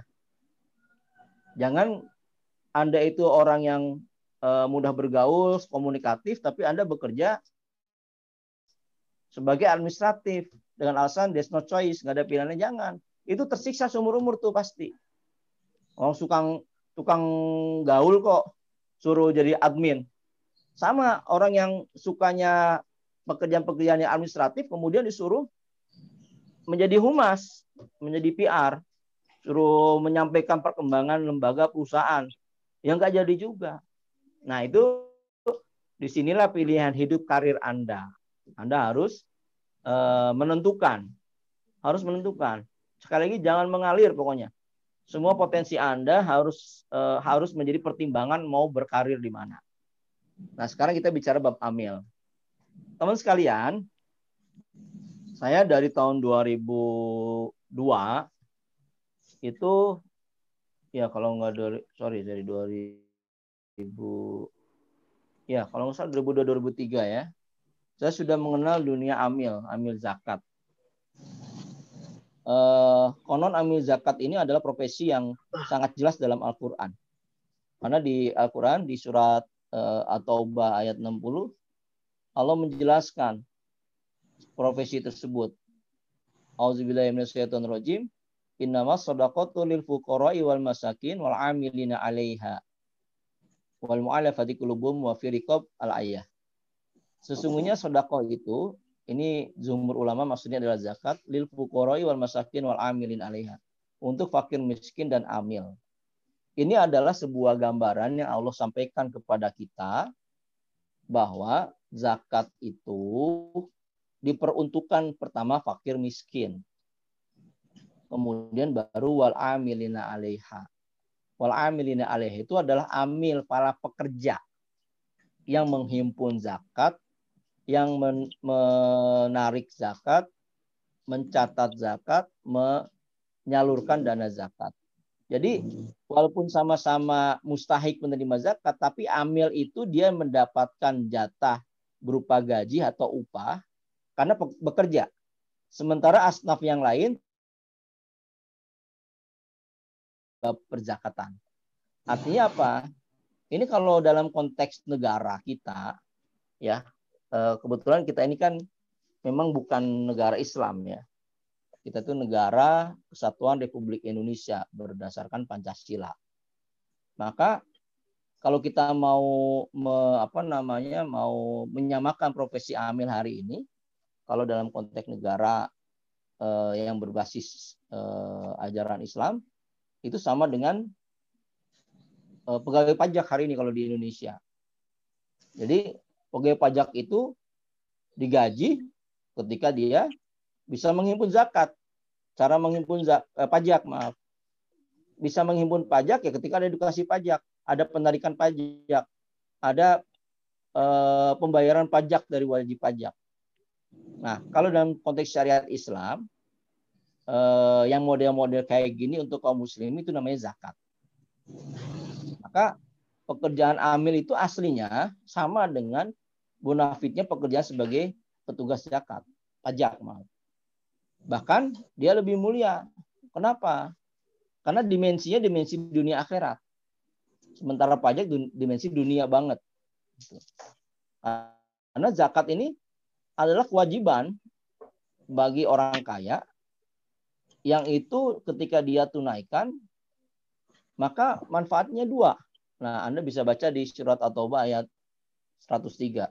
Auzubillahi minasyaitonirrajim. Khudz min amwalihim shadaqatan tutahhiruhum wa tuzakihim biha. Khudz ambillah, pungutlah, tariklah. Nah, ini adalah perintah bagi amil zakat nih. Khudz min amwalim, ambillah, pungutlah, tariklah min amwalihim dari harta-harta mereka. Ini maksudnya itu dari siapa? Dari para muzaki para agnia, orang kaya, orang wajib zakat. Sodakotan sebagai sodakoh. Ini jumhur ulama lagi menyampaikan ini maksudnya adalah zakat. Min amwalim sodakotan. Tutohiruhum wa tuzakim biha. Karena kalau amil zakat mengambil, mengutip, mengambil dana zakat dari para agnia, tutohiruhum itu akan membersihkan harta-harta mereka. Harta orang kaya ini akan bersih kalau zakatnya ditunaikan. Waktu zakim biha jiwa-jiwa orang kaya itu akan semakin lembut, semakin dekat dengan Allah karena ditarik zakat. Waktu zakim biha mensucikan jiwa-jiwa mereka. Wasoli alaihim dan tugas amil adalah mendoakan. Jadi kalau amil zakat itu saya eh, tidak begitu paham di pajak ya, amil pajak. Kalau pajak itu setahu saya eh, habis narik zakat udah terima kasih. Gitu ya. Tapi kalau di amil zakat, kewajibannya adalah dia menarik karena dengan menarik zakat ini akan membersihkan harta bagi orang kaya dan mensucikan jiwa orang kaya. Dunia akhirat, tutuahiruhum untuk dunianya, ini hartanya semakin bersih, artinya udah halal toyib, udah berkah, waktu zakim biha, ini untuk jiwanya, berarti persiapan akhiratnya, jiwa-jiwa orang muzaki. Dia akan lebih lembut. Maka kalau mohon maaf, ada muzaki yang uh, sudah terbiasa membayar zakat, semakin hari semakin banyak dia menunaikan zakat, semakin rutin, maka dia akan semakin dekat dengan Tuhannya. Mungkin yang tadinya jarang sholat jadi sholat, yang tadinya sholat jarang berjamaah jadi berjamaah, yang tadinya berjamaah sholat itu uh, tidak pakai jilbab misalkan jadi pakai jilbab dan sebagainya dan sebagainya. Kenapa? Karena ini janji Allah. Waktu zakim dia disucikan hatinya, hatinya, jiwanya, maaf. Nah, tugas amil wasoli alaihim adalah mendoakan. Jadi teman sekalian, profesi amil itu mulia aslinya. Tapi karena memang dulu atau sampai hari ini kita tuh nggak kenal ya, dengan profesi ini, ya kita seolah-olah, alah itu apa sih posisi uh, amil? Padahal AMIL itu uh, clear profesi yang sangat uh, sangat dimuliakan Allah untuk kehidupan dunia dan akhirat baik muzakinya, amilnya sendiri atau mustahiknya penerima manfaatnya. Maka ini sangat strategis. Posisi amil itu sangat strategis sama sekalian. Tetapi jangan berpikir bahwa amil itu satu pekerjaan yang itu-itu aja. Nah, teman-teman lihat nih bisnis prosesnya amil. Nah, ini Kenapa tadi saya memulai diskusi hari ini dengan dengan uh, brainstorming uh, passion, brainstorming dengan uh, personal assessment karena bisnis proses ambil zakat tuh kayak gini. Coba lihat teman sekalian tuh A sampai dengan E. Jadi aktivitas marketingnya ada, aktivitas sellingnya juga ada. Selling itu yang uh, penghimpunan atau fundraising kalau dalam bahasa uh, lainnya. Tapi dalam bahasa bisnis itu selling. Apa bedanya marketing and selling? Marketing ini lebih brand awareness, ya, lebih banyak brand awarenessnya. Kalau selling ini lebih ke transaksi, orang closing, nah itu selling tuh. Orang berdonasi, orang kalau dalam konteks jual beli uh, jualan misalkan jual beli mobil ya, selling itu iklan. Maka aktivitas eh maaf, marketing itu iklan. Maka aktivitas marketing itu diawali harusnya dari riset. Orang yang punya kemampuan analisa tadi ya yang saya sebutkan misalkan thinking tadi ketika dia masuk sebagai amil zakat bisa dimulai dari bagian riset. Bisa dimulai dari bagian riset. Orang yang suka berkomunikasi, suka uh, sosialisasi itu bisa dari bab marketing dia sebagai marketing orang yang dia uh, punya kelembutan hati punya uh, kedekatan emosional dengan uh, masyarakat sekitarnya itu bisa di bagian penyaluran biasanya itu bagian feeling atau intuiting jadi hatinya lembut banget itu feeling tuh itu pasnya bagian penyaluran. Jadi teman sekalian, apa pun mesin kecerdasan Anda itu ada di bisnis proses LAS, lembaga zakat. Jadi kenapa saya tadi memulai dengan sesuatu yang uh, umum? Karena di bisnis proses amil semuanya ada.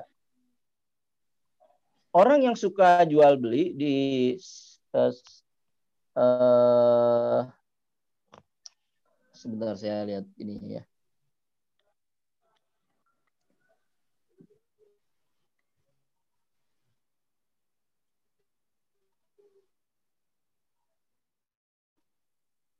Jadi, nah,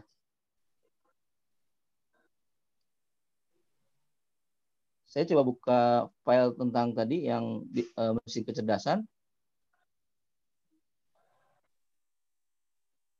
Orang sensing, orang sensing itu kata kuncinya adalah uh, uang, kecenderungannya uang.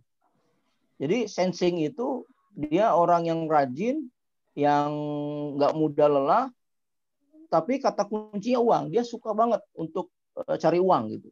Itu kalau di di bisnis prosesnya las, dia sebagai fundraiser. Dia suka sosialisasi, suka menservis orang, suka memberikan layanan-layanan pada orang. Itu orang sensing banget itu. Gitu. Jadi uh, implementasi dari uh, personal assessment terhadap bisnis proses las ya seperti tadi. Ini sangat tepat. Misalkan kalau kita di DSC ya, orang yang dominan, orang yang dominan itu cocoknya jadi pimpinan. Tapi kan orang baru masuk nggak mungkin jadi pimpinan. Maka dia akan belajar bagaimana uh, di level-level tertentu untuk membangun uh, pola komunikasi. Karena pemimpin itu biasanya dia sangat komunikatif pemimpin yang benar-benar pemimpin ya, itu biasanya harus komunikatif. Kenapa harus komunikatif? Karena dia harus menyampaikan ide besar, gagasan besar dia kepada followernya. Kalau ada pemimpin yang komunikat, nggak komunikatif itu biasanya gagal karena dia tidak bisa menyatukan antara mimpi besarnya atau tujuan organisasi yang dia akan bawa dengan timnya. Nah ini kalau dalam DSC itu yang dominan tadi. Nah kalau orang di eh, bagian marketing atau fundraising atau selling kalau dari DSC itu mereka yang influence. Dia cocok banget tuh jadi marketing. Jadi presenter, jadi jadi negosiator itu cocok banget. Kalau orang yang compliant, compliance itu cocok jadi bagian keuangan. Pengawas, audit. Nah, jadi saya menyampaikan ini uh, uh, supaya Anda sebenarnya apa pun mesin kecerdasan Anda, apa pun potensi Anda, itu sangat bisa masuk ke LAS, lembaga amil zakat atau badan amil zakat. Karena masing-masing punya peran, masing-masing punya posisi, masing-masing punya uh, format pekerjaan yang berbeda. Nah, maka teman sekalian, ini terlepas nanti uh, Anda mau join atau tidak dengan gerakan zakat, saya ingin menggarisbawahi kalau Anda masuk ke gerakan zakat atau ke bisnis mana pun, itu pahami dulu tentang potensi Anda tadi, kemudian bisnis prosesnya. Nah, yang saya munculkan ini bisnis, bisnis proses untuk lembaga amil zakat. Sehingga nanti Anda tahu, oh kalau saya mau ngelamar di lembaga zakat, ya, sementara saya itu hasil DISC-nya itu influence, artinya dia orang yang eh, sangat mudah mempengaruhi orang lain, maka Anda ngelamarnya itu yang cocok jadi marketing atau jadi presenter zakat tukang presentasi, tukang membangun relasi. Nah, itu teman sekalian. Jadi kalau Anda melamar di posisi yang tepat, wah ini keren karena Anda punya basicnya, Anda bekerja uh, at the right time, at the uh, posisi yang tepat ya. Waktunya tepat, posisinya juga tepat. Nah, itu untuk uh, bisnis proses. Jadi semua aktivitas tadi ya um, apa namanya hasil personal personal assessment atau personal appraisal ini ini nanti nyambung dengan bisnis proses ini. Nah, teman-teman, yang kedua, kalau Anda memang punya potensi-potensi tadi, bekerja di industri zakat, itu Anda juga sama seperti di industri yang lain harus punya mindset tumbuh, berkembang. Karena asli, aslinya orang yang punya mindset growth mindset yang selalu tumbuh berkembang dia tidak akan menyerah. Yang ada adalah harus tumbuh, tumbuh, tumbuh. Misalkan nih kondisi COVID-19, bagi mereka yang punya growth mindset, dia nggak akan nggak akan lelah untuk untuk berkarya. Ada tantangan memang supaya social distancing. Ada tantangan supaya uh, pakai masker. Ada tantangan supaya menjauhi kerumunan. Itu tentu lebih uh, lebih beda ya dengan di, uh, sebelum COVID-19. Tapi karena dia mindsetnya tumbuh, maka dia tidak akan diam. Ya tetap aja dia melakukan pelayanan bagi penerima manfaat, fakir miskin, walaupun dalam kondisi COVID. Tapi bedanya ada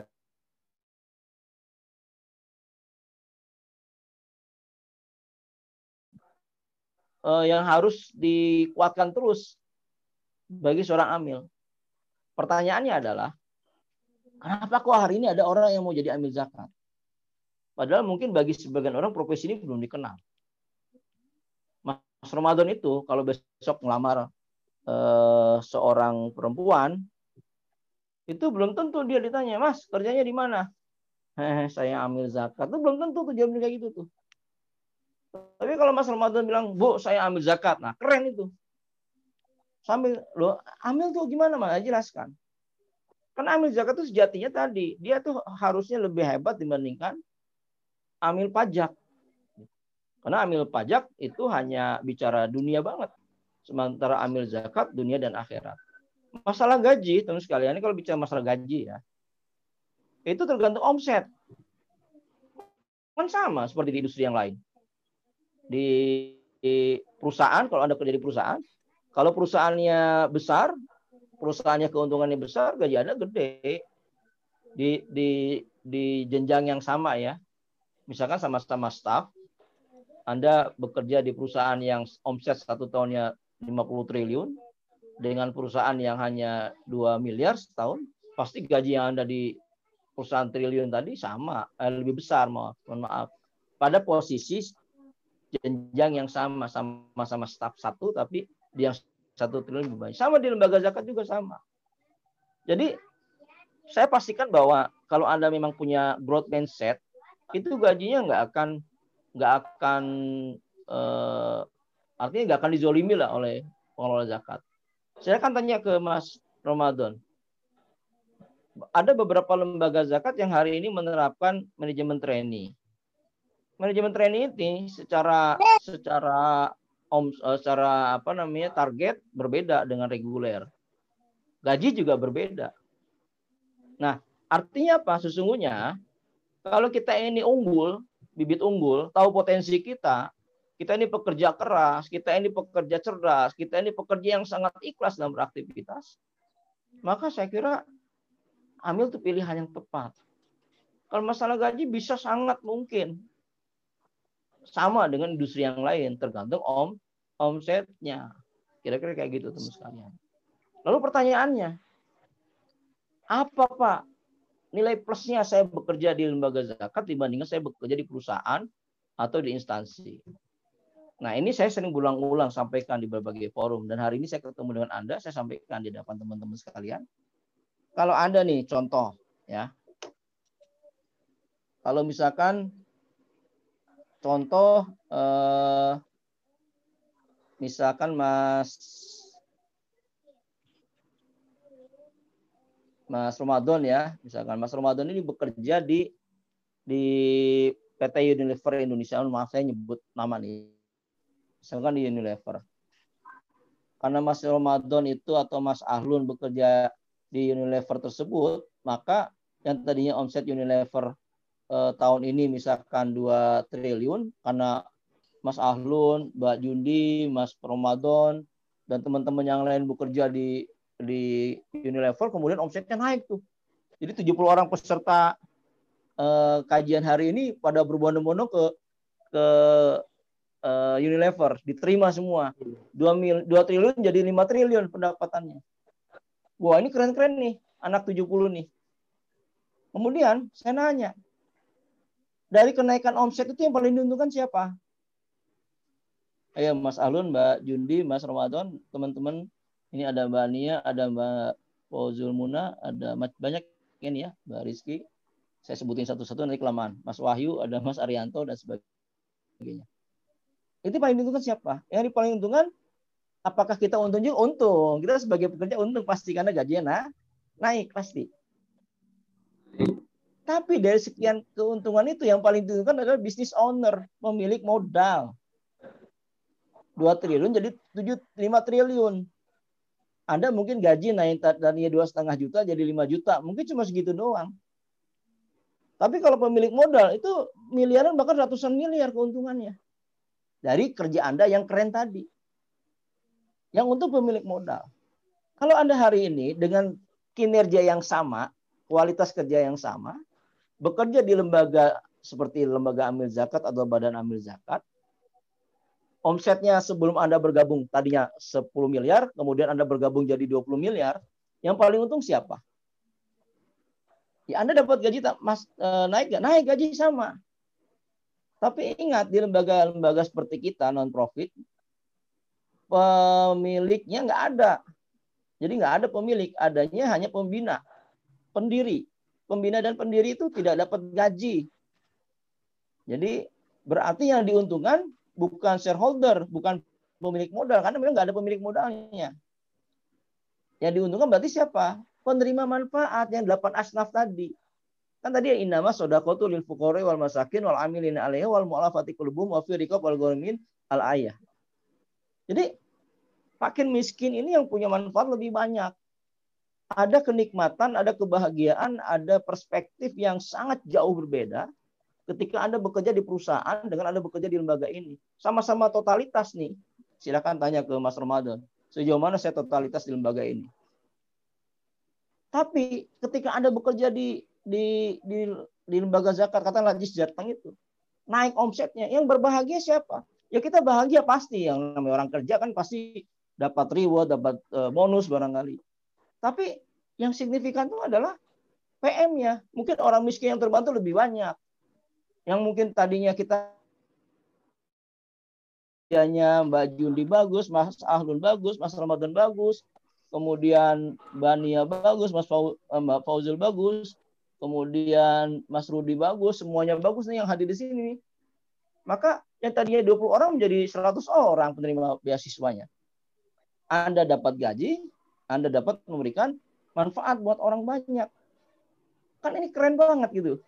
Makanya saya bilang, wah, jadi amil ternyata jauh lebih lebih lebih manfaat. Ini belum bicara tentang pahala nih. Ini saya belum bicara tentang pahala nih ya. Saya masih bicara tentang uh, dunia banget nih. Anda dapat apa? Kerja kan saya kasih apa dapat apa. Saya kerja sampai uh, istilahnya kaki jadi tangan, tangan jadi kaki misalkan Eh, kepala tadinya di bawah jadi di atas, eh di atas dari bawah misalkan, kaki dari bawah jadi atas misalkan, jumpalitan, sama-sama jumpalitan. Saya kerja di PT dengan di lembaga zakat, yang untung itu adalah saya di lembaga zakat. Pak tapi kan gaji di amil zakat nggak banyak.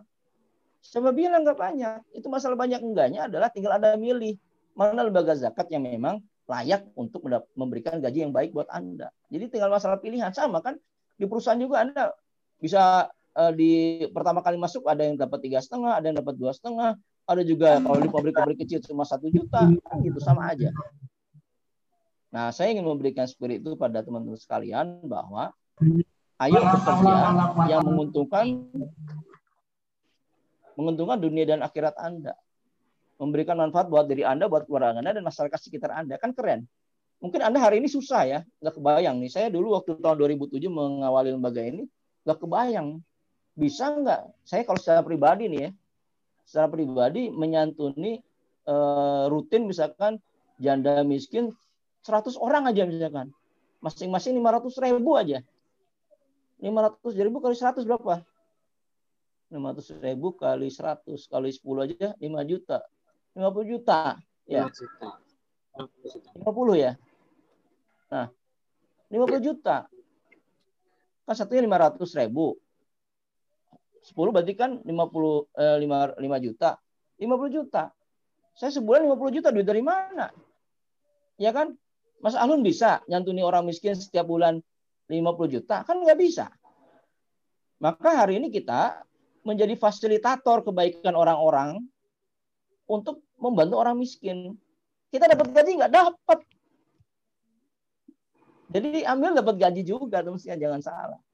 Tapi keuntungan tadi karena kita bekerja maksimal, maka kita eh, 87 setengah dari dana zakat, 87 setengah persen dari dana zakat itu fakir miskin dan astaf yang lain. Kalau amil itu hanya 12 setengah persen. Dari proporsi ini udah kelihatan banget bahwa yang diuntungkan pekerjaan kita itu bukan kita tapi orang lain dan tidak ada uh, jatah buat shareholder ya shareholder itu pemilik modal nggak ada karena memang nggak ada pemilik modalnya walaupun dulu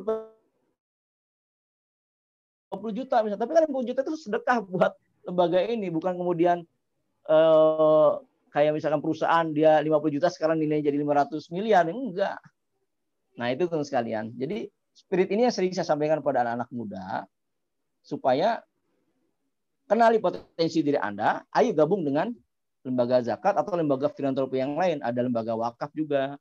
Dan ingat tuh sekalian, dalam konsep ekonomi syariah, ya, dalam konsep ekonomi syariah, karena saya juga tergabung dalam LSP Keuangan Syariah, itu antara eh, social eh, finance dengan profit finance atau uh, ya profit finance dengan social finance itu adalah satu kesatuan, tidak bisa dipisah-pisahkan.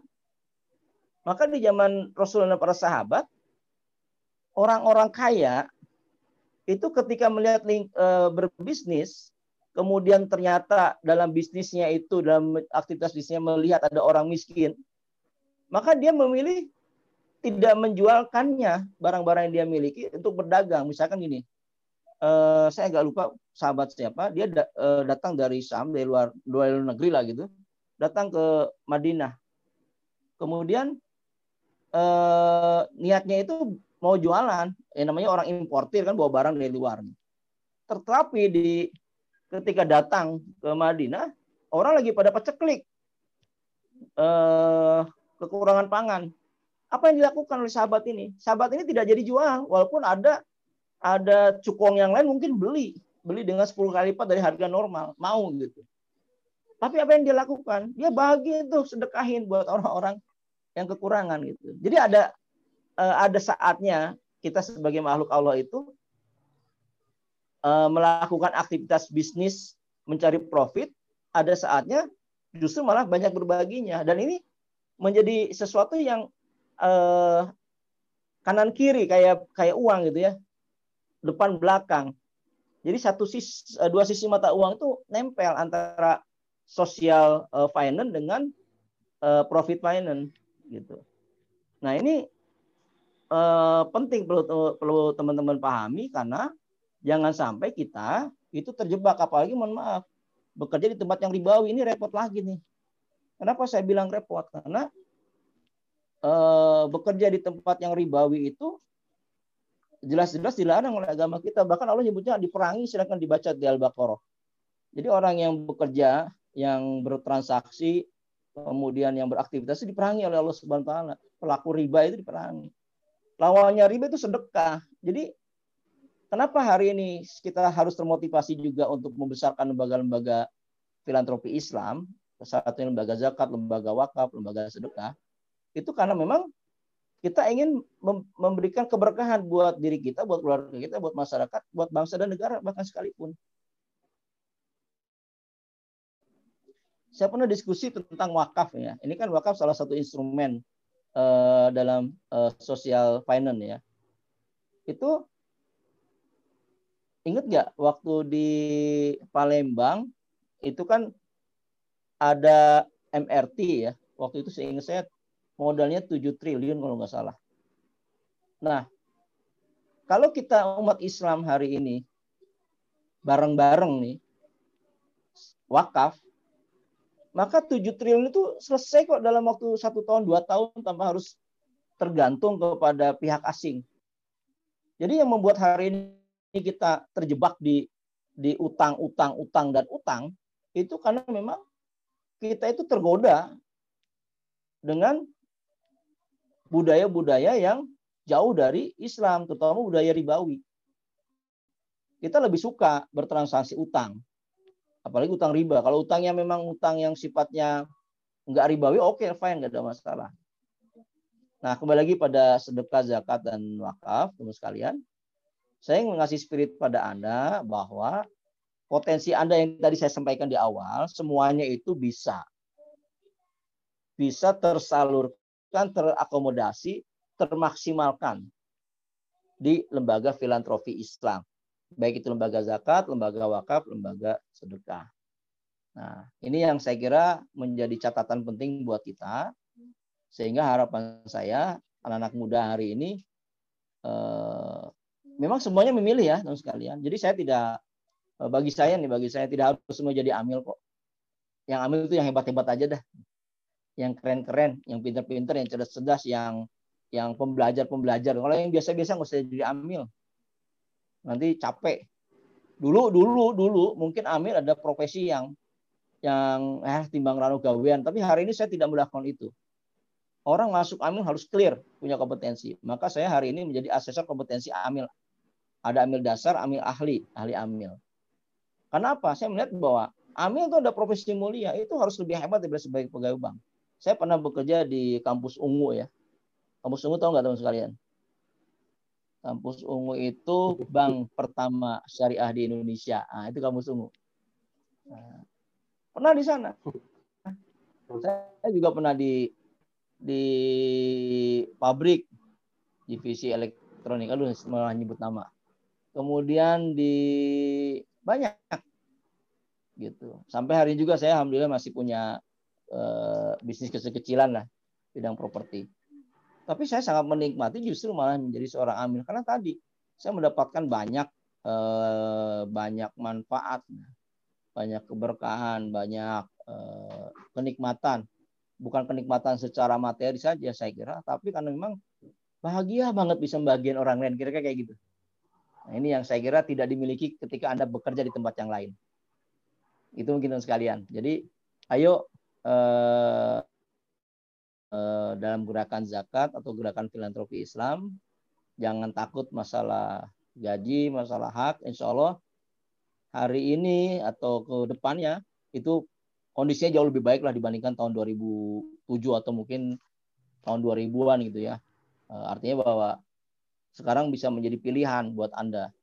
Karena orang masuk pun ada tes kompetensi. Itu silakan tanya ke Mas Ramadan tuh dia kemarin ikut manajemen training. Itu berapa lapis tes yang harus dia ikutin. Ini aja belum dianggap lulus. Masih uji coba uji coba gitu. Dan silakan tanya gajinya berapa.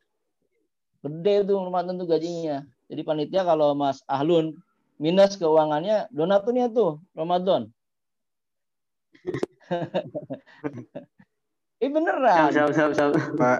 Nah, saya beneran. Jadi amil zakat hari ini beda dengan amil. Ya memang ada sih amil zakat yang gajinya kecil ya Ramadan ya. Ada. Tapi kan ini pilihan kalau Anda mau mau menjadi orang yang eh, tanda kutip dibayar mahal gitu ya Anda harus punya kompetensi.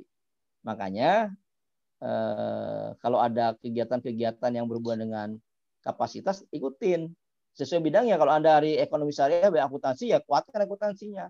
Anda bagian apa pun lah semuanya bisa. Kan tadi di bisnis semuanya bisa. Gitu teman sekalian. Uh, mungkin di sesi kedua ini saya awali demikian. Kalau ada yang pertanyaan silahkan. Karena ini saya kira jauh lebih menarik ya dibandingkan pembicaraan tadi. Uh, tetapi setidaknya hari ini saya menanamkan dua fondasi satu fondasi tentang uh, profesionalisme secara personal. Tadi hubungan dengan uh, roadmap, hubungan dengan uh, passion, hubungan dengan uh, apa big picture atau big goals. Nah, kemudian di sisi lain yang kedua, saya hari ini menggambarkan bahwa orang-orang yang potensi pemahaman Islam yang baik, pemahaman Islam yang kuat, kalau mau di gerakan zakat sekira itu waktu yang tepat. Itu mungkin sekalian, silakan ya ada beberapa pertanyaan sudah masuk saya kembalikan ke Mas Ramadan, donaturnya uh, dari Pose ini, Kang Ahlul. ya, terima kasih eh, Pak Arif Nur Hayati. Ini ada beberapa pertanyaan ini Pak. Yang pertama ini yang terkait sesi kita untuk yang kedua kali.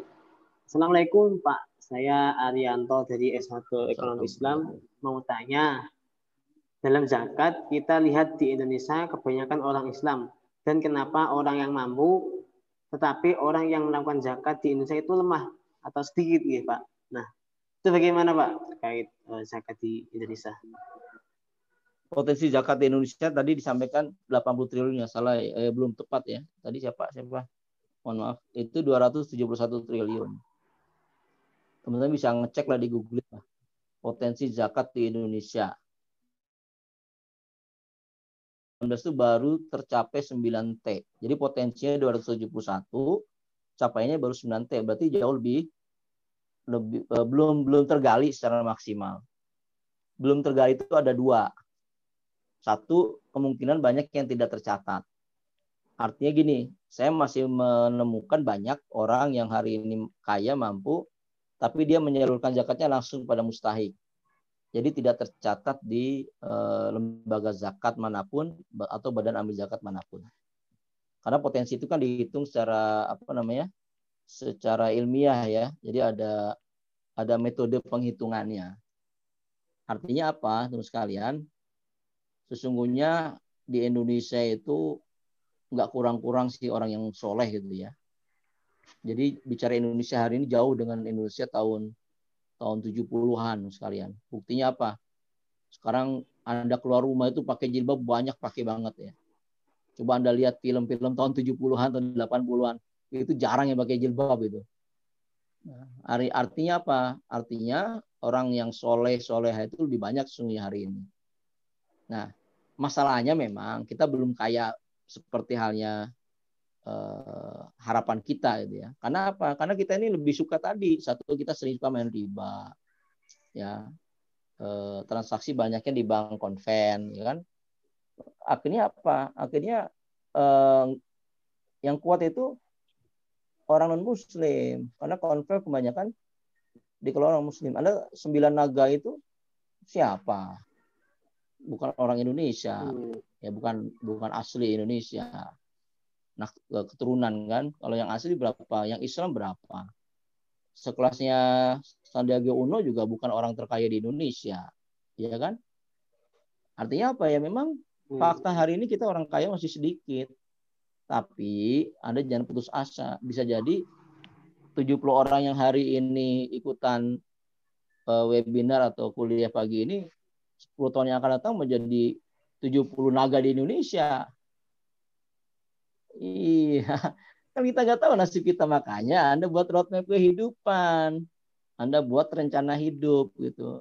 Wah, anak, muda mah punya peluang banyak lah, ayo.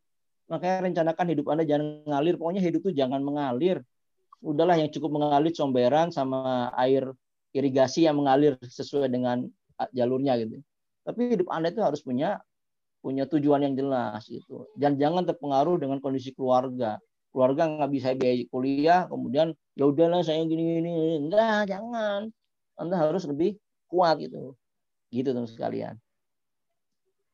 Yang kedua apa pertanyaan Mas Ramadan?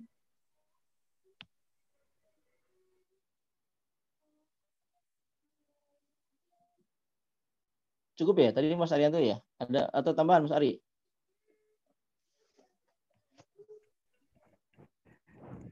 Sudah Pak Cukup ya yang kedua ya. Mengenai okay. yang itu ya cukup. Yang lain ada? Silakan. Siapa lagi? Ya ini ada pertanyaan lagi Pak. Ya. Ini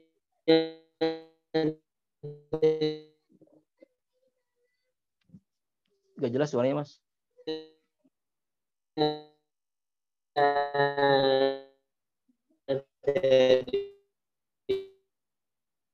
Elia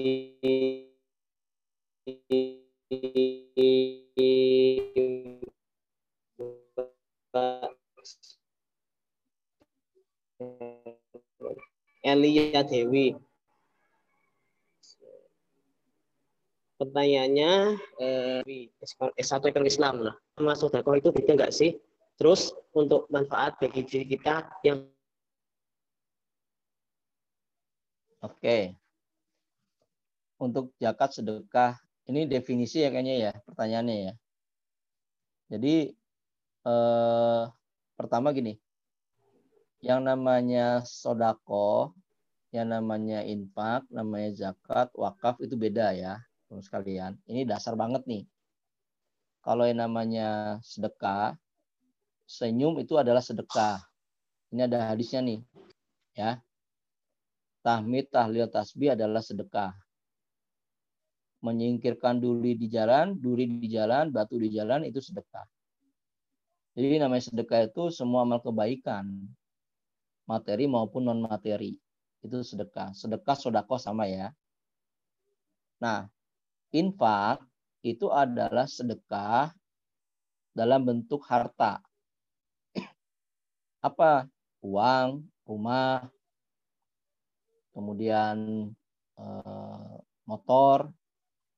Anda yang hari ini punya baju banyak, sedekahin tuh, eh, infakin. Karena infak itu sedekah dalam bentuk barang. Punya mobil dua, satunya sedekahin. Punya motor dua, sedekahin. Nah, Pak kalau nggak punya barang, sedekahnya ya sedekah senyum lah minimal ini. Tapi kalau sedekah dalam bentuk harta namanya infak infak dalam syarat dan ketentuan berlaku itu namanya zakat. Infak wajib itu zakat namanya. Kalau infak sedekah kan sunnah semuanya. Tapi infak yang wajib namanya zakat. Nah zakat itu ada ketentuannya.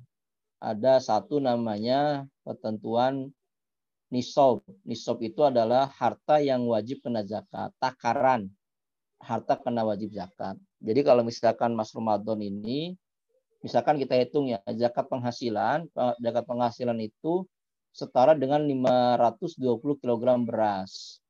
Misalkan harga beras di Solo satu kilonya misalkan berapa? Misalkan 10 ribu lah misalkan ya. Rata-rata konsumsi orang beras eh, di Solo 10 ribu misalkan. Berarti 10 ribu kali 520, 5 juta ini katakanlah gajinya 10 juta. Maka Mas Ramadan di atas nisob. Berarti Mas Ramadan wajib zakat. Tapi kalau Mas Ramadan gajinya baru 3 juta, ya, sementara nisobnya 5,2 juta, berarti Mas Ramadan belum wajib zakat. Maka Mas Ramadan cukup infak saja. Jadi belum wajib berarti. Tapi kalau sudah di atas 5,2 juta, wajib zakat. Kenapa sebut tadi zakat adalah infak yang sifatnya wajib, ada ketentuannya, ketentuannya ada nisab. Ada haul, haul itu tahunan.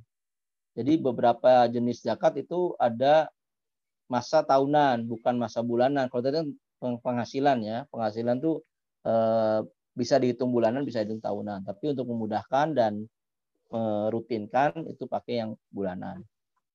Nah, Kemudian ada tarif. Tarif itu jumlah yang harus dikeluarkan.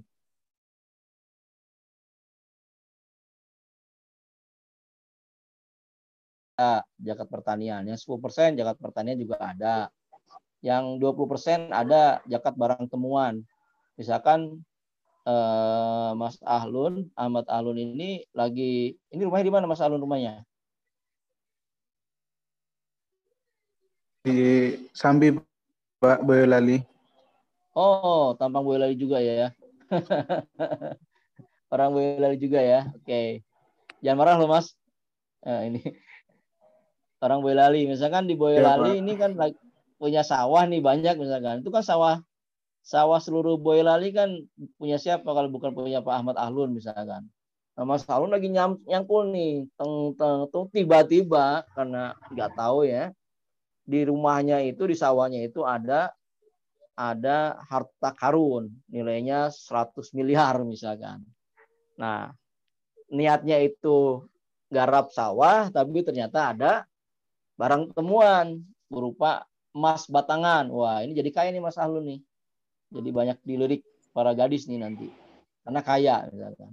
Nah, kemudian Mas Ahlun harus bayar zakat berapa? 20 persen itu zakat barang temuan.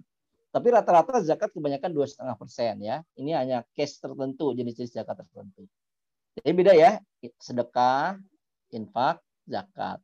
Kalau wakaf itu infak yang jenisnya khusus. Kan kalau infak itu eh, diterima, disalurkan. Tapi yang namanya wakaf itu barang pokoknya ditahan. Misalkan Mas Ramadan ini eh, karena orang paling kaya di Boyolali misalkan, dia wakaf sawah satu hektar. Nah, sawah satu hektarnya itu tidak boleh dibagi-bagikan. Tidak boleh dijual kemudian uangnya dibagi-bagi orang miskin. Enggak. Satu hektarnya itu di, diolah. Misalkan panennya tiga bulan sekali. Nah, hasil dari panen Nah, ini wakaf. Contohnya tadi adalah wakaf produktif sawah. Jadi beda ya definisinya. Kalau infak sedekah, kalau sedekah itu materi non materi ya. Senyum sedekah, tahlil, tahmid, tasbih sedekah. Infak itu sedekah dalam bentuk barang, dalam bentuk uang, dalam bentuk harta. Infak wajib adalah zakat. Infak yang bahan barang pokoknya ditahan dan hasilnya dibagikan itu namanya wakaf. Itu mungkin definisi-definisi yang teman-teman harus pahami sebelum kita bicara tentang lain-lain dalam sedekah zakat. Oke, terima kasih. Ada pertanyaan lain? Uh, ya, tadi ada dari Mas Alun. Uh, untuk Mas Alun, untuk pertanyaannya bisa dibacakan ya, karena tadi saya agak kehilangan sinyal, jadinya hilang di chatnya. Saya mau Mas Alun dibacakan.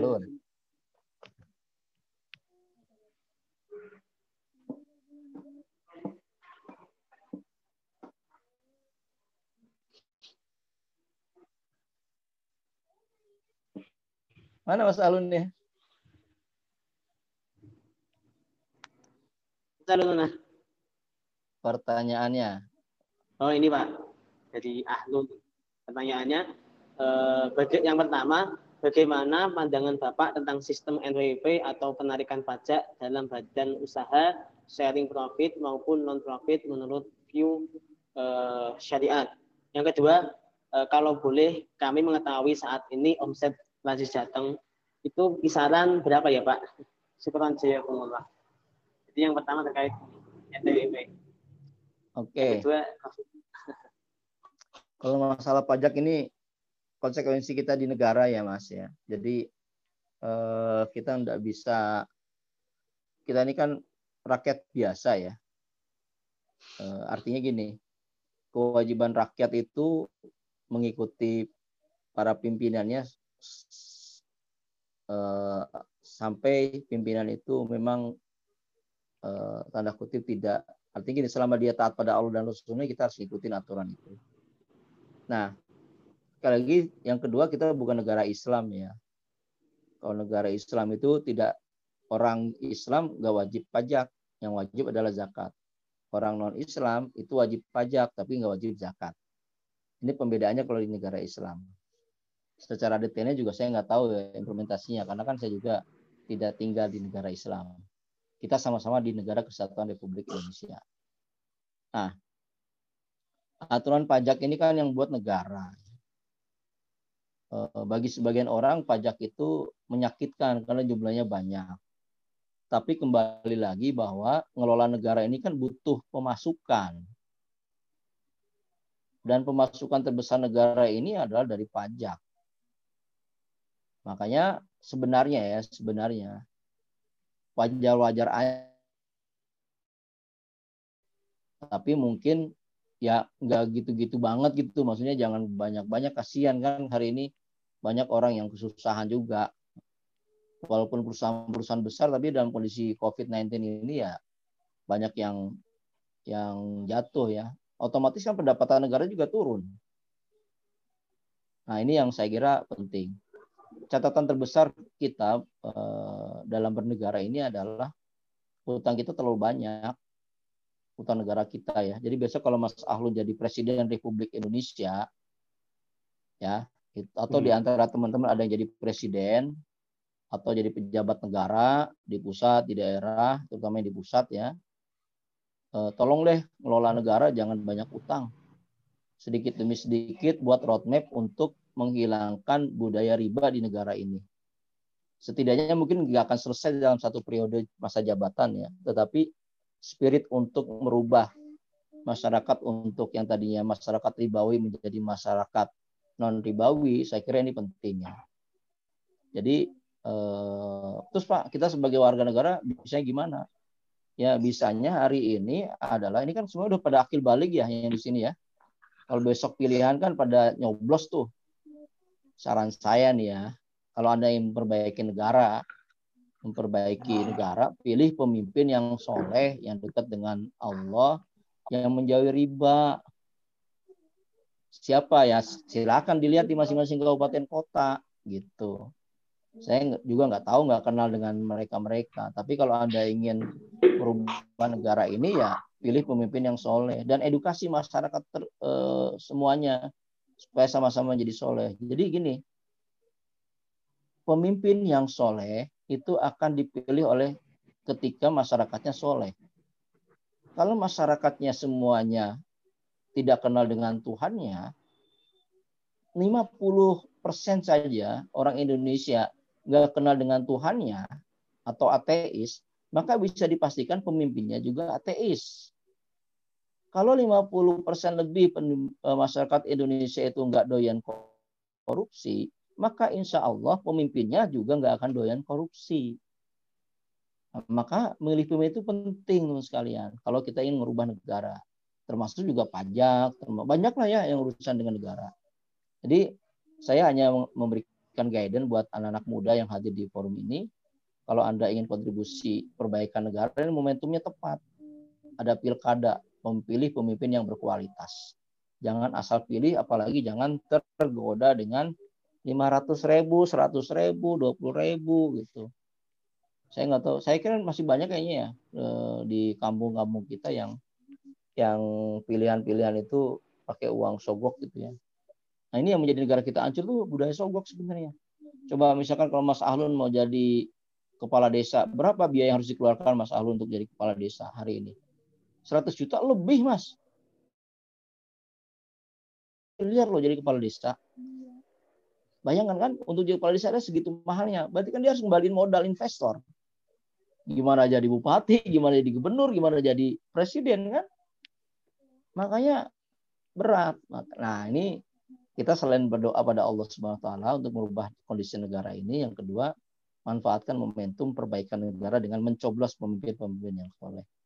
Nah yang ketiga kita setting diri kita pantaskan diri kita untuk menjadi pemimpin. Maka saya tadi bilang, Anda boleh kok bermimpi jadi direktur, jadi presiden, jadi bupati, wali kota boleh. Perempuan juga nggak apa-apa silakan.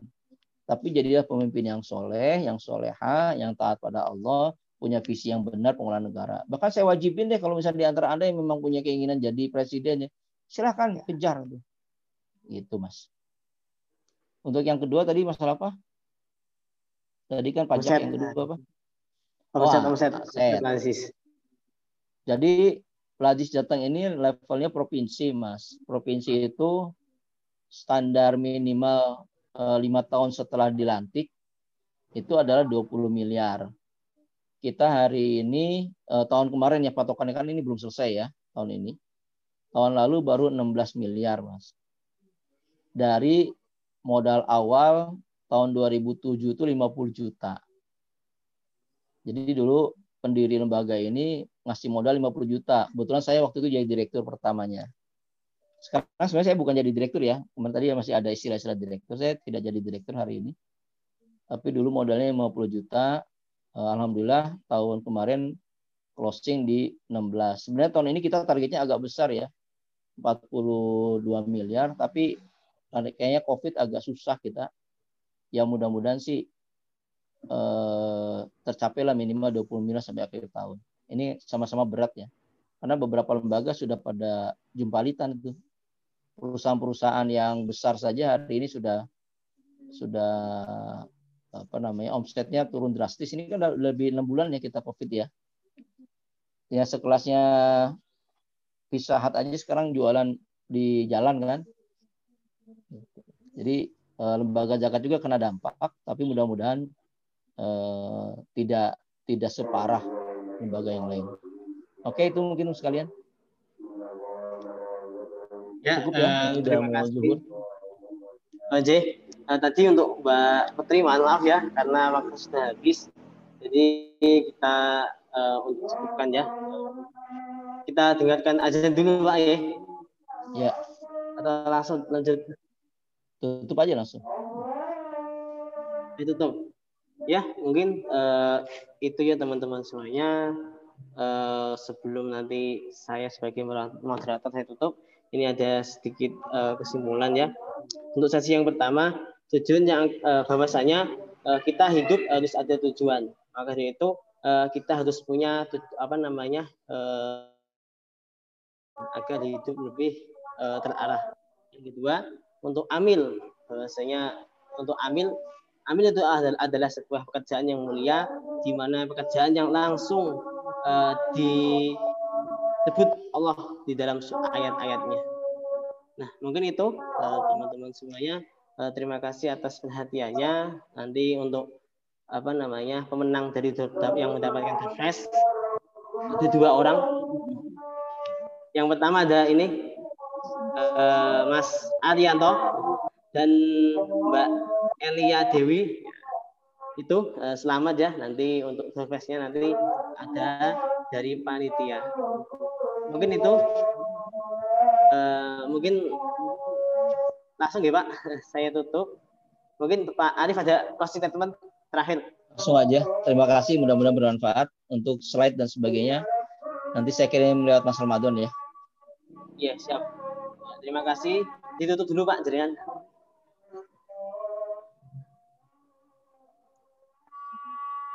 Ya, mungkin itu. Gimana, gimana? Eh, saya akhiri. Bapak Monggo, bisa langsung tutup. ditutup Bapak dulu. Oke. Eh, terima kasih teman-teman semuanya atas perhatiannya. Kurang lebihnya, sekali mohon maaf. Semoga materi tadi yang disampaikan bermanfaat dan teman-teman bisa eh, praktekkan dalam kehidupan sehari-hari. Akhirul kalam. Assalamualaikum warahmatullahi wabarakatuh. Saya kembalikan ke MC. Monggo.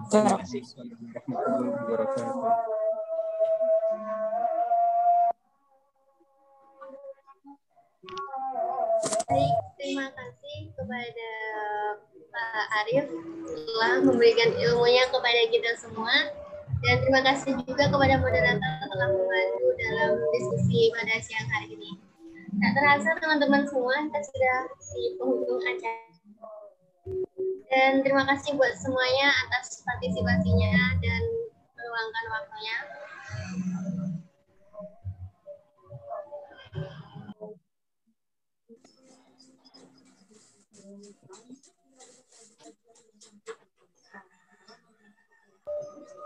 Mungkin kita sempatkan foto sebentar nggak apa-apa ya. Sekali aja nggak apa-apa. Teman semua buat onin kameranya sebentar ya. Nanti saya di- dikirim ya fotonya ya. Iya Pak. Ya, Pak. Dan kepada panitia selaku operatornya mohon bantuannya. Dan nanti ketika saya hitung 1 sampai 3, mohon diberikan senyuman manisnya.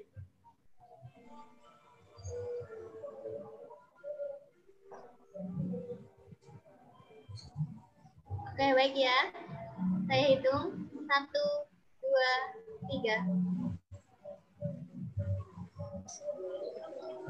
Apakah sudah operator?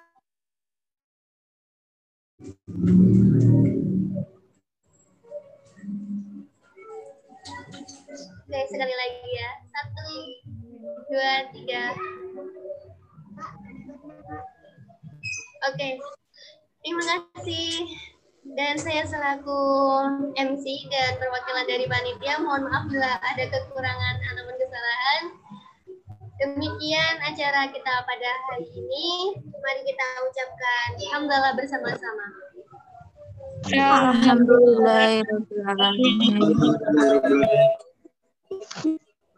Oke, terima kasih kepada semuanya dan sampai jumpa pada kesempatan lain.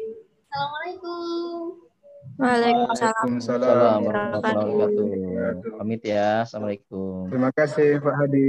Ya, Assalamualaikum. Waalaikumsalam. Thank you.